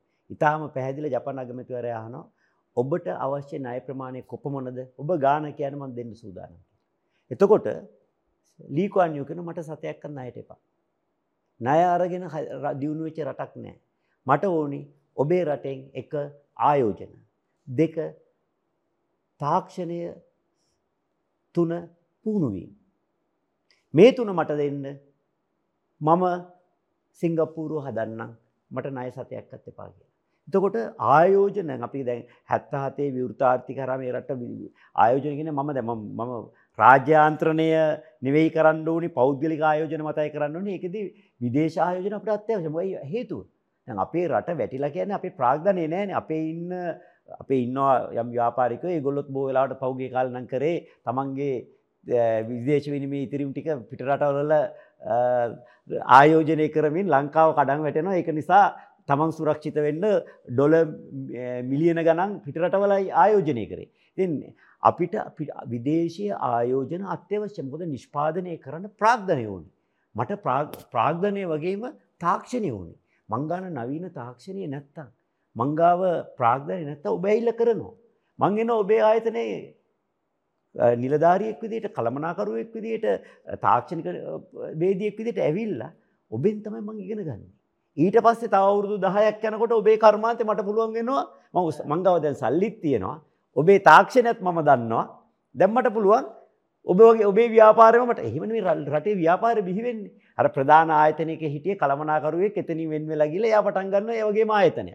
ඉතින් මගේ අදහස් දැක්වීමේ මම වැරදි නම් මම වැරදි නේ ඒක වරදවා වටහා ගැනීමක් වෙලා තිනවා කොතනවත් විදේශ ආයෝජන ප්‍රතික්ෂේප කළ යුතුයි කිව්වේ නෑ. ඉතා නිවැරදිව කිව්වා ඒ රටවලට තාක්ෂණය ගෙනාවා කියලා. එතකොට අපි දැන් මොකද කරන්නේ අපේ රටේ කර්මාන්ත වහලා දාලා ආනයන මත පමණක් නැදුනොත් අපිට ණය වෙනවා හැරෙන්න අපිට ආනයන වලට මුදල් ගෙවන්න ක්‍රමයක් නැහැ කියන එක මම පැහැදිලි කරේ. ඉතින් අපේ රටේ නිෂ්පාදනය වැඩි කරන්න විදේශ තාක්ෂණය, විදේශ ආයෝජන, විදේශ පුහුණු කිරීම අනිවාර්යයෙන්ම ලබා ගත යුතුයි. ඊළඟ දෙවෙනි ප්‍රශ්නේ ඔබ මතු කරා ප්‍රශ්නේ මට ආපහු ඉඩම් ප්‍රශ්නේ. ඉඩම් ප්‍රශ්න. ඇත්තෙන්ම ශ්‍රී ලංකාවේ මේ ඉඩම් ප්‍රශ්නයේදී ප්‍රේමදාස ජනපත ඔබට මතක ඇති. එතුමා මේ බස්නාහිර පළාතේ ඔබට මතක ඇති අපි මුල්ම කාලේ අපේ තිබ්බේ මහා කොළඹ ආර්ථික කොමිෂන් සභාව කියලා මහා දැවැන්ත කලාපයක්. ඒ කාලේ කටුනායක කලාපය ඊළඟට තිබුණා බියගම මේ කලාප කීපයක්නේ තිබුණේ. ඒතර මේවැ ඉඩම් ටික ඉවර වුණාම ප්‍රේමදාස ජනපතිතුමා දැක්ක දැන් මේ බස්නාහිර මේ වැඩේ කරන්න බෑ. ඉඩම් තියෙන්නේ ඈත. ලාභ ශ්‍රමේ තියෙන්නේ ගමේ, ඉඩම් තියෙන්නේ ගමේ. හැබැයි ආයෝජික ඇහිල්ලන්නේ කොළඹ. හේතුව Tamanට දැන් සල්ලි ටිකත් අපරාධිකයන් බෑ සල්ලි ටික නගරයට ගේනවා නම් කොළඹත් ගන්නවා ගමේ ඉඩම ලාභත් එක්කනේ. ඇයි එහෙනම් මේ කොළඹ ආශ්‍රිතව ඉඩම් හොයන්නේ? ගුවන් තොටුපොළට සහ වරායට කිට්ටු වීම. මොකද Taman නිෂ්පාදනය කරන්නේ අපනයන වෙළඳ පොළට නම් මේක කන්ටේනරේ පටවල අඩුම දුරකින් ගේන්න පුළුවන්. අර ඈත ගම්වල පාරවල් නැහැ. ප්‍රේමදාස ජනාධිපතිතුමා තමයි අපේ රටේ මාර්ග පද්ධතිය විධිමත් කිරීම පටන් ගත්තේ. එතුමා කිව්වා මොකද ඒකට කියන්නේ ඇඟලුම් කම්මල් 16 ව්‍යාපෘතිය. ඒක වර්ග කරා ABC කියලා වර්ග තුනක්. එතකොට නාගරිකව ප්‍රදේශවල ඒ වර්ගයේ හදන අයට ලැබෙන්නේ අඩු සහන. අර්ධග්‍රාමී අර්ධනාගරික ප්‍රදේශවල හදන කට්ටියට ලැබෙන්නේ මැදි සහන. ඉහළම සහන ටික ලබා ගන්න නම් අර දුෂ්කර ප්‍රදේශවල ගිහිල්ලා කර්මාන්තය පිහිටවන්න ඕනේ. හැබැයි ඒ අයට ඒ ප්‍රදේශවල ඉඳන් ගුවන් තොටුපළට වරායට බාණ්ඩ ගේන්න අවශ්‍ය මාර්ග ටික හදලා දුන්නා. එතකොට අපේ රටේ ආයෝජනයේ ආයෝජික එන්න නම් විසඳුම් කීපයක් එන්න ඕනේ දන්නත්. පළවෙනිම දේ බල ශක්ති පිරිවැය අඩු කරගත යුතු. මේක අන්ත දූෂිතයි විදුලි නිෂ්පාදනයේ තෙල් මත රැඳෙන්නේ මේ පුනර්ජනීය විදුලිය ලංකාවේ තරම් ලාභ දෙන්න පුළුවන් රටක් නැහැ. මම බල ශක්ති ඇමතිවරයා ඉන්න කාලේ මම නෝර්වේත් එක්ක එකතු වෙලා අපේ හරිත හයිඩ්‍රජන් හදන ව්‍යාපෘතිය පටා තමයි ඒක දැන් ඉදිරියට යනවා. අපේ මන්නාරම් අසබඩ මුහුදේ සුළගින් විදුලිය නිෂ්පදනය එක හයිඩ්‍රජන් බවට පරිවර්තනය වෙන දැවැන්ත ශක්තියතාවයක් තියෙනවා. ඊළඟට සුළඟ විතරක් නෙවෙයි හිරුවෙලි වසර පුරාම ලැබෙනවනේ අපිට. එතකොට මේවත් එක්ක පුනර්ජනනීය විදුලිය නිෂ්පාදනයට ආයෝජනය කරලා ආයෝජනය කරන ආණ්ඩුව කරන්න ඕනේ නැහැ. පෞද්ගලික අංශයට දේශීය විදේශයයට එන්න ඉඩ දීලා ඒක නියාමනය කරලා ඒකට පහසුකම් සලසන්න ඕනේ. දැන් එන එකාගෙන් පගාව ඉල්ලලා ව්‍යාපෘති අනුමත කිරීම පරක්කු කරලා කකුලෙන් ඇදලා හරවල යවනවා වෙන රටකට. මොකද මේ ජාවාරම ඩීසල් විදුලි ජාවාරම නැත්තම් සමහර කෙනෙක් විදිහට මාෆියාව ඉදිරියට ආ යුතු නිසා. ඒතර විදේශ ආයෝජකයා එන්නේ ඇයි? තමන්ගේ නිෂ්පාදනය තමන්ගේ රටට වඩා ලාභයට හදාගන්න. අපේ රටේ ශ්‍රමය මිල අධිකයි මම කලින් කිව්වා. හැබැයි අපේ ශ්‍රමය උගත් ශ්‍රමයක් තියෙනවා. ඒතර මිල අධික නම් ඒක සෙට් ඔෆ් වෙන්න. ඒක කැපිලාට තව දෙයක් තියෙන්න බෑ. එහෙනම් අපේ බලශක්ති පිරිවැය අඩු වෙන්න ඕනේ. අපේ නීති පද්ධතිය ශක්තිමත්. ඒක අපිට තියෙන හොඳ දෙයක්. හැබැයි කාර්මික සාමය පෞගේ කාලේ නෑ. පොඩි දෙයක් නැත්තම් දියව් ගසව් කියලා පාරට වහිනවා. ලෝකයේ තියෙන්නේ ලංකාව විතරයි නම් එහෙම උද්ඝෝෂණ කරාට ප්‍රශ්නයක් නැහැ. ඉතින් ආයෝජකව අඬාගෙන වැඳගෙන ලංකාවට එයි. අවාසනාවට ලෝකේ මීට වඩා සාමකාමී මීට වඩා ලාභ ශ්‍රමය තියෙනවා. ඒ නිසා අපි කාර්මික සාමය හදාගන්න ඕනි. බලශක්තිය ලාභයට දෙන්න ඕනි. එතකොට ඉඩම් සම්බන්ධයෙන් ඈත පළාතට නොයන්නේ ප්‍රවාහන ප්‍රශ්න නිසා. ඒ නිසා අපේ අධිවේගී මාර්ග සම්බන්ධයෙන් අනිත් දේවල් වලට වඩා ප්‍රමුඛතාවය දීලා ආයෝජනය කරලා අපේ මාර්ග පද්ධතිය. ඉතින් අපි අපේ ප්‍රණාමය පුද කරන්න ඕනේ ප්‍රේමදාස ජනාධිපතිතුමා ඊට පස්සේ මහින්ද රාජපක්ෂ ජනාධිපතිතුමා. ප්‍රේමදාස ජනාධිපතිතුමා පටන් ගත්ත වැඩේ රට පුරා ජාලයක් එකකින් සම්පූර්ණ කරේ මහින්ද රාජපක්ෂ ජනාධිපතිතුමා. ඒක ආයෝජකයන්ට අත්‍යවශ්‍ය සාධකේ සම්පූර්ණ වෙලා තියෙනවා. දැන් කොළඹින් ඉඩම් ඕනේ ඇත පළාතනේ අද ඔබට හම්බන්තොට ඉඳන් අපේ රට ඉඩම් තියෙනවා. මෙහෙමයි. ඉඩම් නිසි අපේ ඉඩම් කළමනා කරන වැඩ පිළිවෙලක් නෑ. අපිට දැන් ඉඩම් තිබ්බොත් මොකද කරන්නේ? මිනිස්සු අතර අක්කර තුන තුන බෙදලා දෙනවා. එතකොට ගෙවල් අපිට ගෙයක් සඳහා අද අපි කොළඹදී මොකද කරන්නේ? මහල් නිවාස වලට යනවා. දැන් ගමේදී කරන්න එක කැමති. අපි ඉඩම ඉතිරි කරගන්න මේ ජනගහනය කෙතරම් වැඩි වුණත් මේ වර්ග කිලෝමීටර් 65610 වැඩි වෙන්නේ නැහැ. ඔය තමයි තිත්ත ඇත්ත. එහෙනම් ඉඩම් අර පරිස්සමෙන් කළමනා කරණය කරන. අපිට තියෙනවා ජාතික ඉඩම් කොමිසමක් නෑ. ව්‍යවස්ථාව එම එකක් තියෙනවා අද වෙනතුරු හදලනේ. ඔන්න තිත්ත ඇත්ත. ඒක අර අපේ ඉඩම් පරිහරණ සැලැස්මක් තියෙන්නුව. පාරිසරික අවශ්‍යතා මත. අනාගත පරම්පරාව අවශ්‍යතා මත. යම් ප්‍රමාණය තිල්ලන්ට මාර්ග වගේ යටිතල පාස්කම්වලට. නිවාස වගේ පෞද්ගලික අවශ්‍යතාවලට. ඊට පස්සේ කර්මාන්තවලට දැන් අපි ලෝකයේ තියෙනවා කලාප කරණේ නාගරික සැලසුම් කරණය තියෙනවා මේ පැත්තේ තමයි කර්මාන්ත. මේ පැත්තේ තමයි නිවාස මේ පැත්තේ තමයි වෙළඳ සැල් මේ පැත්තේ ආගමික සිද්ධස්ථාන අපිත් නාගරික සංවර්ධන අධිකාරය හදනවා හැබැයි එහෙම මහ පොළොවේ ක්‍රියාත්මක වෙලා නැහැ. ඒතර ඔබ ඔය කියන කර්මාන්තවල ඉඩක් නැහැ කියන ප්‍රශ්නේ මතුවෙන්නේ දන්නාත් ඔබ ගිහලා කර්මාන්තේ පටන් ගත්ත ගමන් දුම වැඩි අපදියර එනවා යනාදි වශයෙන් ගෝසාව වැඩි කියලා ගමක් එනවා කර්මාන්තයට විරුද්ධව. එහෙම වෙලා තියෙන්නේ අපේ අර කලාප කරන්නේ සෝනින් ප්ලෑන් එකක්. කලාප කරන සැලැස්මක් රට තුළ නැති නිසා. ඉතින් මේවා හදනවා. හැබැයි ඒවා හදන කට්ටියම කඩනවා. ඒක නිසා තමයි මේ ඉඩම් අර්බුදය තියෙන්නේ. නැත්නම් මේ රටේ හැමතැනම මිනිස්සු අපේ ලෝකේ රටක් විදියට ගත්තොත් අපි ඒකට කියනවා ජනගහන ඝනත්වය. ලෝකේ වැඩිම රටක්. ඒ නිසා අපේ ඉඩම් මනා සකසුරුවමකින් කළමනාකරණය කිරීම අවශ්‍යතාවය කන්ට්‍රටවලට වඩා තියෙනවා. හැබැයි ඒකයි කියලා ඉඩම් නැති ප්‍රශ්නයක් නෑ. ඉඩම් නිසි කළමනාකරණයක් තමයි සිද්ධ වෙලා නැත්තේ. මං ඒවගේ මහන්න කැමති බලශක්තිය මිල අඩු කරන්න කියපු නිසා ඉන්දයානු ග්‍රිඩ්ඩකට ලංකාව ග්‍රිඩ්ක සම්බන්ධ කිරීම පිළිබඳ යෝජනාවක් තියෙන බුතුමාගේ අදහසමකක්ද එකම වර්දත් දකින්න මොකද මං හය පන්ති ඉන්න කාලේ මහවැලි ව්‍යාපෘති ආරම්භ වෙච්චාලුත අපිට පාසලි දිගැන්වේ මහවැලි වැඩසටානෙන් ලංකාවේ විදුලි අතිරික්තයක් ඇති වෙනවා. ඒ අපි ඉන්දියාවට විකුණුනලා මෙ ලින්දියාවත් එක්ක කියන ආකාර විදුරු රෑන්වලින් ඉන්දියාවට අපනයනය කරලා අපි විදේශ වෙනමි උපයනොගෙන ඇබ මාවලි ව්‍යාපෘති අවසන් වෙනකොට රටේ ඇතිවෙච්ච වේගවත් සංවර්ධනය ප්‍රතිඵලයක් විදියට දේශය ඉල්ලුම ඉහළ ගිහිල්ලා අර ඉන්දියාවට විදුලි අපනයනය කිරීම කරගන්න බැරිවුණ ති මතර මුල් අවදී ට සමරට වෙයි ලාබිට ඉන්දියාවෙන් මේට විදුලි ආනයනය කරන්න හැබැයි අපේ ආයෝජන ටික් කරලා අපේ තියෙන සුලම් විභවය ඒවගේම හිරුවලිය විදුලි නිෂ්පාදනය කිරීම ඉලන අපේ පුළ මුහුදු රැල්ලෙන් විදුලි නිෂ්පාදනය කිරීම මේවට ආයෝජක ගෙනල්ල අපි හරියට කරාම අපිට ආය පුළුවන්ගෙනවා ඉන්දියාව කැනෙ ලෝක වැඩිම ජනගානීමට. වගේම වේගවත් ආර්ථික වර්ධනයක් තියෙන රට. එනිසා ඉන්දියාවේ දැවන්ත විදුලිල්ලම කනගත ඇතිව. ඉන්දියාවේ ඉන්න මිලියන එක්දාසාරසිගේ ජනතාවේ හැම ගෙදරටම. රූපවාහිනියයි ගුවන් විදුලේ සීත කරණය විතරයි ගත්තොත් විදුලි ඉල්ලුම තව දහගුණයකින් විතර වැඩිවෙන. තයිද ඉන්දියාවතන සේර හතලිකට තර විදුලිය නෑ හැම ගෙදරටම හෙම ගත්තොත්තේම ඔය ඉන්දියාවේ සැලසුම සියල්ල වතුර යන එනිසා අපේ දැවන්ත ශක්්‍යතාවයක් තියෙනවා එනිසා අපි දැන් අර සමරු හිතන මේ ජාතිකවාදයෙන් කියන හැමදේටම බයවෙලා එපෝ කියනවා කියලා. ඔබ දන්න ඇති එක්දා නවසේ අසූ හතේ ඉන්දු ලංකා ගිවසුමෙන් අපේ තෙල් ටැන්කිටික ඉන්දියාවට දුන්න. ඊට පස්සේ ඉන්දියාව මුකුත් කරෙත් නෑ ලංකාව මුකුත් කරෙත් නෑ ඉන්දියාවත් එක හවුල් ව්‍යාපාරයක් පටන් ඉන්දියාවට සම්පූර්ණ දෙනොටත් කට්ටිය විරුද්ධයි හවුල් ව්‍යාපාරයක් කරනටත් විරුද්ධයි. මට තමයි පුළුවන් වුණේ සියලු විරෝත්තාවලටම රූපවානි වාදවලට කියලා තනියෙන් වාද කරලා. විපක්ෂයත් නිහඬ කරා වෘත්තිය සමිතියෙන් නිහඬ කරලා දෙදස් විසි දෙකේ ජනවාරි මාසේ ඔය තෙල් ටැන්කි ටික ඉන්දියාව සමඟ හවුලේ පාවිච්චි කරන්න හැදුව. අපි බය නෑ. අපිට අපි ගැන විශ්වාසයක් තියෙනවා. අපිට විදේශක විදේශකයන් එක්ක හවුලේ වැඩ කරන්න බය වෙන්නේ Tamanට ආත්ම විශ්වාසය නැත්නම්. අපිට ඉන්දියාවත් සමග අර පාලමක් හදන්න ජනාපත්ව යෝජනා කළා අපි ඒකට විරුද්ධයි. ඒක අවශ්‍යතාවයක් නැහැ.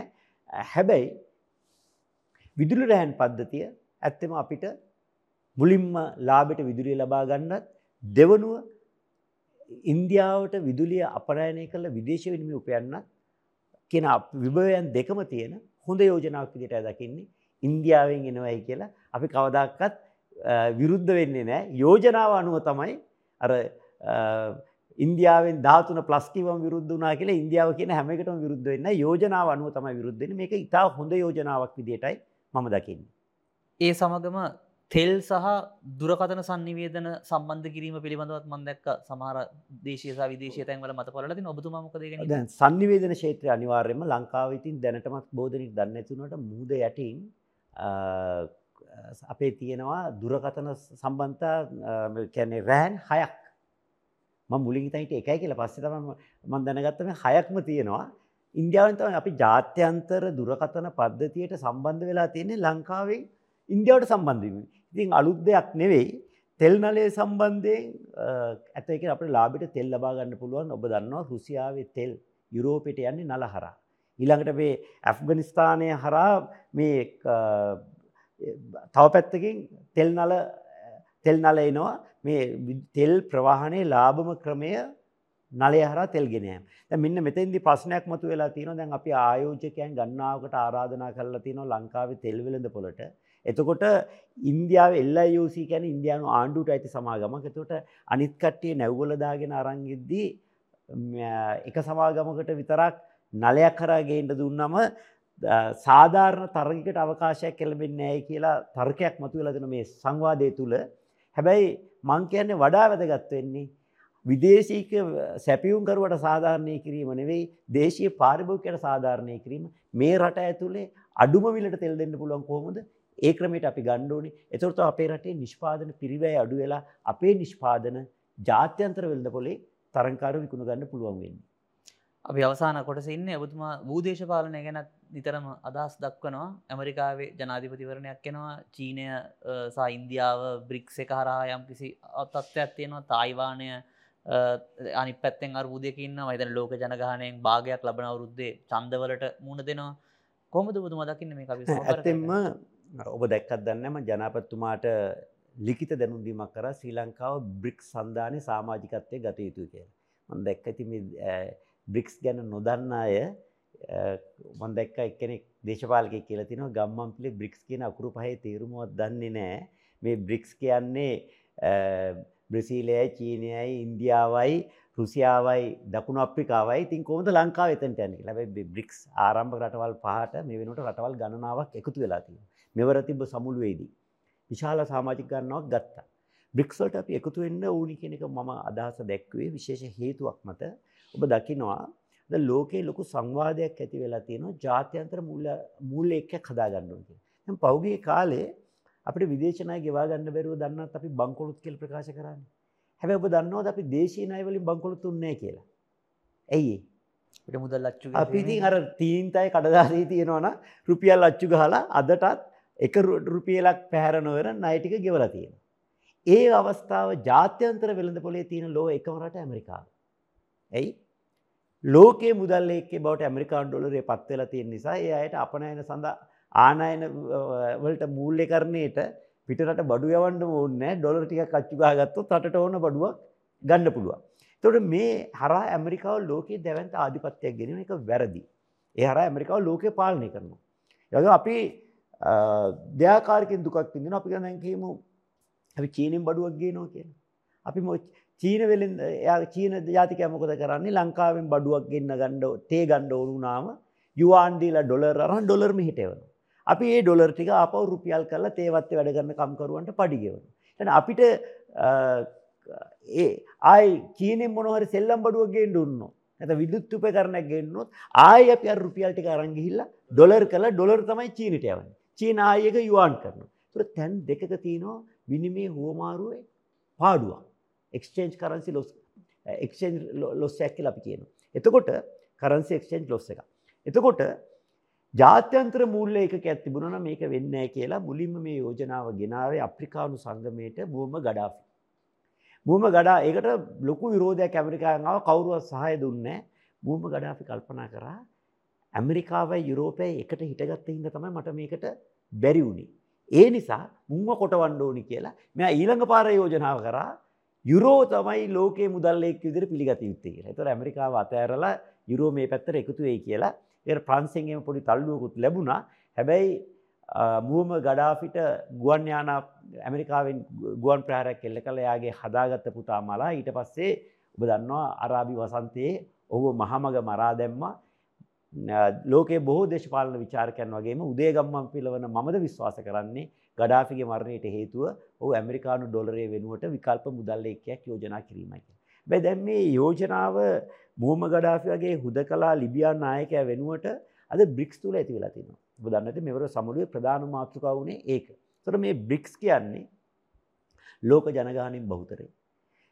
නුදුරු අනාගතයේම ලෝක ආර්ථිකයෙන් බහුතරේ අපි කියන්නේ නැගී එන ලෝක බලවතුන් තමයි මෙතන ඉන්නේ. ඇමරිකාව, බ්‍රිතාන්‍ය, ප්‍රංශය, ජර්මනි අද අර වේදිකාවෙන් බැසී යන තරු බවට තමයි පත් වෙලා තියෙන්නේ. ඒතර එවැනි સંદર્ભයක් ඇතුලේ ශ්‍රී ලංකාවට ආර්ථිකව ඊළඟ අපි දැන් ණය ලබා ගද්දී විකල්ප විකල්ප ණය දෙන ආයතන බීකිරීම ගැන පවා අද බ්‍රික්ස් සංවාදය ඇතුලේ තියෙනවා. ඉතින් ශ්‍රී ලංකාව බ්‍රික්ස් වලට එකතු වී යුතුයි කියලා මම ජනාධිපතිතුමාට ලිඛිතව යෝජනා කරා මේ સંદર્ભය පැහැදිලි කරමින්. ඊළඟට ශ්‍රී ලංකාව මුහුණ දෙන ලොකුම ප්‍රශ්නයක් තමයි දන්නාත් ඔබ අහලා ඇති රොබර්ට් කප්ලාන් ලිව්ව මොන්සූන් කියලා පොතක්. ඒ පොතේ කියන රොබර්ට් කප්ලාන් කියන්නේ ඇමරිකාවේ යුද විශේෂඥයෙක්.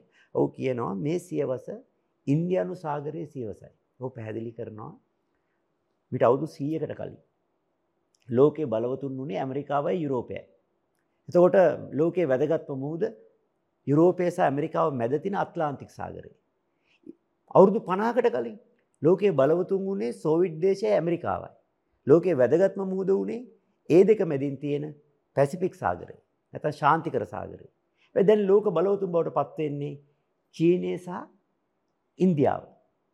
එතකොට ඒ විතරක් නෙවෙයි වසර 500කට පස්සේ දේශීමාව බෙදා ගන්නා අසල්වැසියන් දෙන්නෙක් ලෝක බලවතුන් වෙනවා. ඔබ අහලා ඇති මීට අවුරුදු 500ට කලින් පෘතුගාලය ඉස්පාඤ්ඤය තමයි ලෝක බලවතුන්. අර පාප්තුමා ලෝකෙ දෙකට බෙදලා දුන්නානේ මේගොල්ලන් රණ්ඩු කරන්න එපයි කියලා. ඒතර ඊට පස්සේ අපේ අසල්වැසියෝ දෙන්නෙක් ඉන්දියානු සාගරයේ ලෝක බලවතුන් වෙනවා. ඒතර වැදගත්ම සාගරය වෙන්නේ ඉන්දියානු සාගරයයි. ඉන්දියානු සාගරයේ හරිමැද පිහිටි ලංකාව තමයි ලෝකයේ වැදගත්ම රට වෙන්නේ. අපි අර ලිං මැඩි සංකල්පයක් නෙවෙයි කවුද මම නෙවෙයි මම කියන්නේ මේ ගම්මන්පිලගේ මේ ජාතිකවාදී සංකල්පෙන්නේ රොබර්ට් කප්ලාන් තමයි කියන්නේ. ඊළඟට මේ ළඟදී අපේ ජනාධිපතිවතුමා ඇමරිකාවේ සාකච්ඡාවේදී උපුටා දක්වනවා දෙවන ලෝක යුද්ධයේදී චර්චිල් අගමැතිවරයා කියනවා ලංකාවේ බලය අල්ලගන්න කෙනා ඉන්දියානු සාගරයේ බලය අල්ලගන්න. ලංකාව ලෝක බලවතුන්ගේ කෙලිබිමක් බවට පත්වීමේ අවදානමක් තියෙනවා. මම කියන්නේ ලංකාව ඇමරිකාවේ පැත්තවත් චීනෙ පැත්තවත් ඉන්දියාවේ පැත්තවත් වෙන කාගේ පැත්තවත් යන ස්වාධීනව ඉන්න. ස්වාධීනව ඉන්න නම් ලෝක බලවතුන්තික සමයන් වගේ ගනුදෙනු කරන්න. අපිට අන්න අයගේ ආවරණය ගන්න හොඳම තැන තමයි මේ මොහොතේ බ්‍රික්ස්. ඉතින් ශ්‍රී ලංකාවේ දෙයාකාරී එක මූල්‍ය පැත්තෙන් එකක් ආරක්ෂාව සහ භූදේශපාලනය පැත්තෙන් ශ්‍රී ලංකාව බ්‍රික්ස්වල සාමාජිකයෙකු යුතු කියලා මම විශ්වාස කරනවා. ඒ ශ්‍රී ලංකාව මුණ දෙන තව ප්‍රශ්නයක් තමයි මම මේක කියලා මට දැන් ඇමරිකාවයි ඕස්ට්‍රේලියාවයි වීසා දෙන්නේ රටට ඇතුළු වෙන්න. මම අපිට කලින් කොම ඉගෙන ගත්තේ ඕස්ට්‍රේලියාවේ මම රස්සාව කරේ ඕස්ට්‍රේලියාවේ. අදත් ඕස්ට්‍රේලියානු ශ්‍රී ලංකා පාර්ලිමේන්තු මිත්‍රත්ව සංගමේ සභාපතිවරයා මම. නමුත් මට වීසා දෙන්නේ වීසා දෙන්නේ නැහැ. ඔබ දන්නවා ඇති ඕකුස් කියලා සංවිධානයක් තියෙනවා ෆයි අයිස් කියලා සංවිධානය. ෆයි අයිස් කියන්නේ ඉංග්‍රීසි කතා කරන රටවල් පහේ සංවිධානය. මේ දෙනෙක් දන්නේ නැහැ. කියන්නේ ඇමරිකා එක්සත් ජනපදයේ මහ බ්‍රිතාන්‍ය නැත්නම් එක්සත් රාජධානිය ඕස්ට්‍රේලියාව, නවසීලන්තය සහ කැනඩාව ඉන්න සංවිධානයක් තියෙනවා. ඒගොල්ලෝ මේ ලොකුවට සමුළු තියන්නේ තුන තා සහෝදර සංවිධානයකයි. මේ ඉංග්‍රීසි කතා කරන රටවල් පහ. මේකේ පළවෙනි රීතිය තමයි ජාත්‍යන්තරයේ යම් රටක් ප්‍රශ්නයකට මැදි වුණාම අන් රටවල් කොන්දේසි විරුතව. එයා හරිද වැරදිද බලන්නේ නැතුව එයාගේ පැත්ත ගන්න ඕනේ. ඒකට කියන්නේ බ්‍රදර්හුඩ් කියලා සහෝදරත්වය අපේ එක. හරි වැරදි පැත්තක තියලා අපේ එකා කියලා හිට ගන්නවා. කියන්නේ ඇමරිකාව කොහේ හරි ගිහලා යුද්ධයක් පැටලුණාම ඕස්ට්‍රේලියානු දෙතුන් දහක් යවලා මරා ගන්න ඕනේ. වියට්නාම් යුද්ධයේ ඉඳන් ඉරාක යුද්ධය දක්වා ඔක වුණානේ. ඒ වෙන්නේ අර ෆයිව් අයිස්වල තියෙන සහෝදරත්වයක පළවෙනි කොන්දේ. දෙක එකිනෙකා පිළිබඳ ඔත්තු නොබිලිය යුතුයි. ඇමරිකාව එංගලන්තය ගැන රහසේ ඔත්තු බලන්නේ ඔස්ට්‍රේලියාව එංගලන්තය ගැන බලන්න යනාදි වශයෙන් දෙවිනි කොන්දේ තුන්වෙනි කොන්දේශය තමන්ට ලැබෙන බුද්ධිමය තොරතුරු සීට සීයක් බෙද හදාගන්න. තොර ඔබේ හතුරා මගේ හතුරායි. නැම ඔස්ට්‍රේලියාවට ඉතාම සූද කෙනෙක් ඉද මව සභාපති කරන්තයන්නේ ඇැ ඇමරිකාව හතුරා වුණාව නිකම ඔස්ට්‍රේලියාව හතුරායන. තුර දැම් මේ ලංකාව පැත්තෙන් තියෙන ප්‍රශ්නයක් තමයි ඇමරිකා ද ලංකාව ගැන ඇමරිකාව ඔබ දන්න ඇති සෝෆා ගියසුමත්සන් කරන්න ලොකු උත්සාහයක් දරුව අපි ඒක ස්ටොප් සංවිධානදල නතර කර නිසතා ඇමරිකාමට විස දෙන්නේ නැත්ති. හැබැයි ඇමරිකාව විධ වෙස්මුණු බැඳගෙන ලංකාවට එනවා. මෑතකදී ප්‍රංස ආණ්ඩුවෙන් ලංකාව ඉල්ලීමක් කරා ත්‍රීකුණාමලේ වරාය ආශ්‍රිතව මැරිටයිම් රිසර්චන් ට්‍රේනිින් සෙන්ට එකක් පීඩුවන් සිංහලින් කිවොත් නාවික පර්යේෂණ සහ පුහුණු මධ්‍යස්ථාන පිටිවට අවසර ඉල්ලුව. ඒක ආරක්ෂක අමාත්‍යංශය වෙලා එතනින් එව්වා නාවික හමුදාවටයි බුද්ධ්‍යංශයටයි බුද්ධ්‍යංශය එපා කිව්වා නාවික හමුදාව නම් ෂෝක් කිව්වා. මොකද ඒක දෙපැත්තට මත දෙකක් ආපු ඉඳ පොඩ හිර වෙලා තියෙනවා. ඒ වගේ ඇමරිකාව පාවිච්චි කරන තව වෙස් මුණක් තමයි ඕස්ට්‍රේලියාව. ඇයි? ඕකුස් කියලා එකක් හදන් තියෙනවා ඔබ දන්නේ නැති. ඕකුස් කියන්නේ ඔස්ට්‍රේලියාවයි එක්සත් රාජධානය ඇමරිකාවයි. චීනයට එරෙහිව ඉන්දයානු සාගරය ඇතුළත සාමූහික මුණ දෙට මේ සංවිධන දන්තිී. තවතින කොඩ් කියල එක. ඒක ඉන්නේ ජපානයයි ඉන්දියාවයි ඇමරිකා එක්සත් ජනපදය ඔස්ට්‍රේලියාව. තර ඕකුස් කොඩ්සා ෆයියිස් කියන සංවිධාන තුනේම තින මහපුදු සාධකය තමයි ඇමරිකා එක්සත් ජනපදය ඔස්ට්‍රේලියාව. නිසා ඇමරිකා එක්සත් ජනපදය ශ්‍රී ලංකාවතුළට ඇතුළුවීමට අර එලියාවම එන විරෝධය සමනය කරගන්න මේ වෙන විට ඔස්ට්‍රේලියාව කෙන වෙස්මුණ පාවිච්චි කරන. තිං මම කියන්නේ අපි චීනවත් ඉන්දියාවවත් ඔස්ට්‍රේලයා ඇමරිකා එක්සත් ජනපදේවල් යුරෝපයවත් කාගෙවත් ඉත්තෙක් වෙන්ඩ ඕන්නේ අපේ අපි නොබෙදිව හිටියෝ. අපි හැමෝමත් එක් හොඳින් ගඩ් දෙනු කරමින් ඉන්න පුළ සමර අර්ථයන්නේ රජකුමරේගේ අතපතා කුමාරවරු ගොඩ දෙනෙක් අතය මද විවාහවෙන්න අවස්ථාව ඉල්ලනවා. එක කුමාරකට හාකිව්වොත් අනික් කුමාරය යුදවදිනවා. ඒ හැම කුමාරයත් එක්ම තෑගි බෝග පිළිගරමින් සතුරු සාමිචයේදී ඉන්නකං සාමකාමව ඉන්න පුළුවන් වචනයක් දෙන්න බෑවේ වචනයක් දෙන්න බෑ දුන්නොත් යුද්ධේ. ති ඔන්න ඔය ඒ අර රජකාලි තිබුණු කුමාරිකාව මුණ දුන්න ලස්සන කුමාරිකාව මුණ දුන්න තත්ත්වයට තමයි අපේ භූදේශපාලන පිහිටීම නිසා ශ්‍රී ලංකාවද මුණ තිල්ති. ඒක අපරට පාලනය කරන කට්ටිය තේරුම් අරගෙන. කාටවත් කඩේ යන්න ඇතු. මන් දැක්ක ජනපත්තුම තින විවේචන ගොඩක් අස්සේ හොඳත් දැක්ක මේකත් කියන්න පේ මන් දැක්ක ජනපත්තුමයෙන් අහනවා ආයු පෝ ඉන්ඩියන් නෝ පෝ චයිනිස් කියලා. තර කියන නන් අයම් පෝ ශ්‍රී ලංක ඒක ඒමද කියල මට ප්‍රශ්නයක් තියෙනවා. ඒක එහෙම විය යුතු රටේ පාලකයන්ට. ඒම වෙන තාක් ඔය ඕනම බලවතෙක් එක්ක ස්වාධීනත්වය රැකගෙන ගණු දෙනු කළ හැකි කියලා මං විශ්වාස කරන. අවසාන වශයෙන් ඇමරිකාවේ ලබන වසරේ පැවැත්වෙන චන්දය ලංකාවට මොන විදියට බලපායිද. ඇත්තෙම අපි දැකලා තියෙන දෙයක් තමයි ඇමරිකානු ජනාධිපතිවරණ තින එක හොඳක් තමයි සෑම අපේක්ෂකයෙක්ම තමන්ට මුදල් දුන්නු අයගේ ප්‍රසිද්ධ කරන්නු. එ ඇමරිකාව තියෙන හොඳ දෙයක්. ඒ අනු අපි දැකල තිනවා අපේ දෙමල බෙදුම්වාදී බලවේගවල ඉන්න අයත් එකල මතකයි ටැමිල්ස් පෝ ඔබාම වගේ සංවිධාන හදාගෙන මේ මැතිවරණ ව්‍යාපාලට දායක වෙනවා. ඒ ප්‍රතිඵලයක් විදියට අපි දැක්ක දෙයක් තමයි සාමාන්‍යයෙන් ඇමරිකාවේ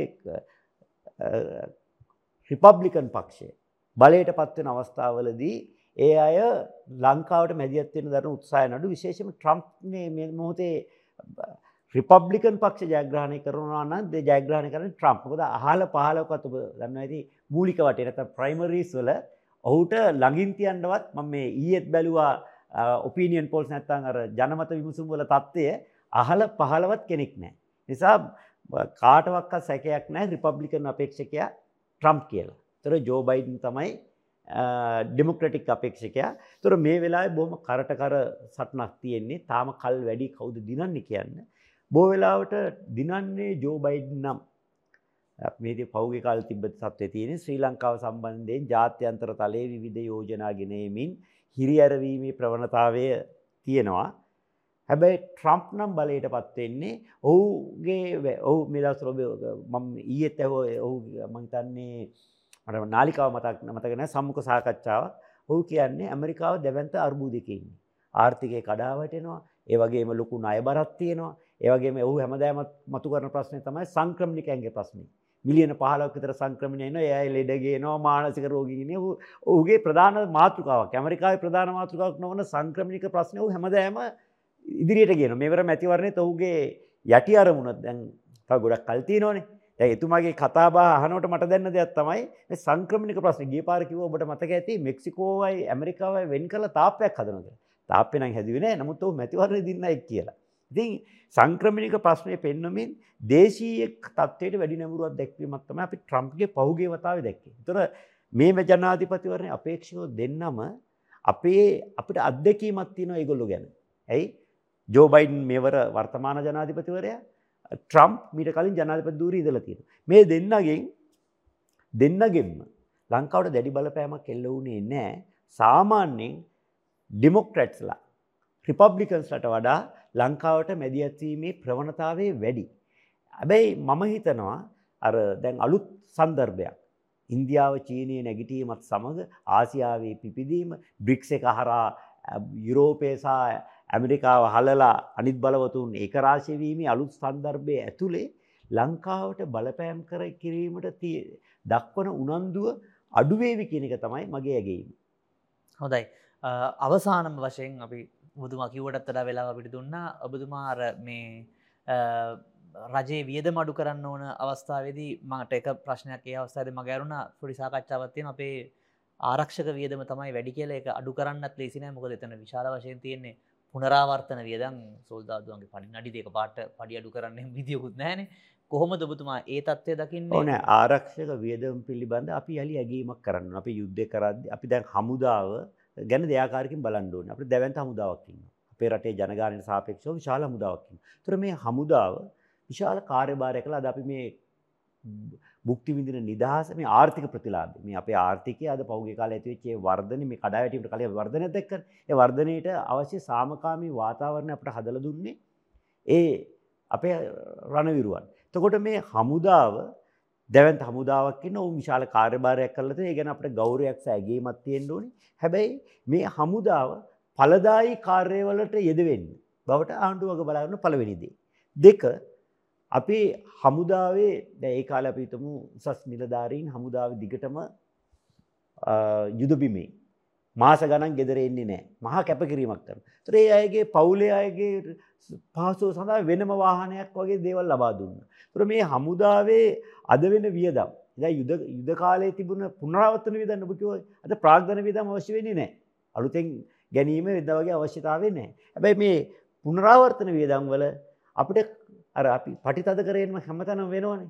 තොට මහිතන රණවිරු රටවීරගඩ්ඩ ජාතිකාරක්ෂ පැත්තෙන් දායක වුණාගේම ජාතික ආර්ථික පැත්තනුත් දායක වෙන්න පසුබට වෙන එකක් නෑ. නිසා මේ වියදම්වල කපන්ඩ පුළුවන් තැනත් තියෙනවද කියලා ඇගීම ලක් කිරීමයි කිසි වරදක් නෑ. මොකද අපේ ප්‍රධාන වියදමින්ද මොකරි වියදමක් කපනවනම් ඒ කපන එක ආර්ථිකයට දැනෙනවනම් දැනෙන්නේ ප්‍රධාන වියදමක් කැපවොත්නේ පොඩි වියදමක් කැපුවේ කියලා එකකින් දැන්න සුළු බලපෑමක් ඇති වෙන්නේ ඒ නිසා සමස්ත ජාතික ආරක්ෂාවට තර්ජනයක් නොවන ආකාරයට එක. දෙක අපේ යුද ජයග්‍රහණයට දායක වෙලා ආබාධිත වෙලා විශ්‍රාම ලැබලා ඉන්න රණවිරුවන්ගේ සුබසාධනයට බාධාවක් නොවන ආකාරයට අපේ ආරක්ෂක වියදම් පිළිබඳ යලි ඇගීමක් කළ යුතුයි කියන එක මම විශ්වාස කරනවා. ඔබතුමාට බොහොම ස්තුතියි. අපිත් එක්ක සාකච්ඡාවට සම්බන්ධ වුණාට. බලපහමට ස්තුති ප්‍රශ්න හව ගොඩක් තිබුණා. ලයික් දාලා තිබුණා. තම් සබ් දාලා තිබුණා.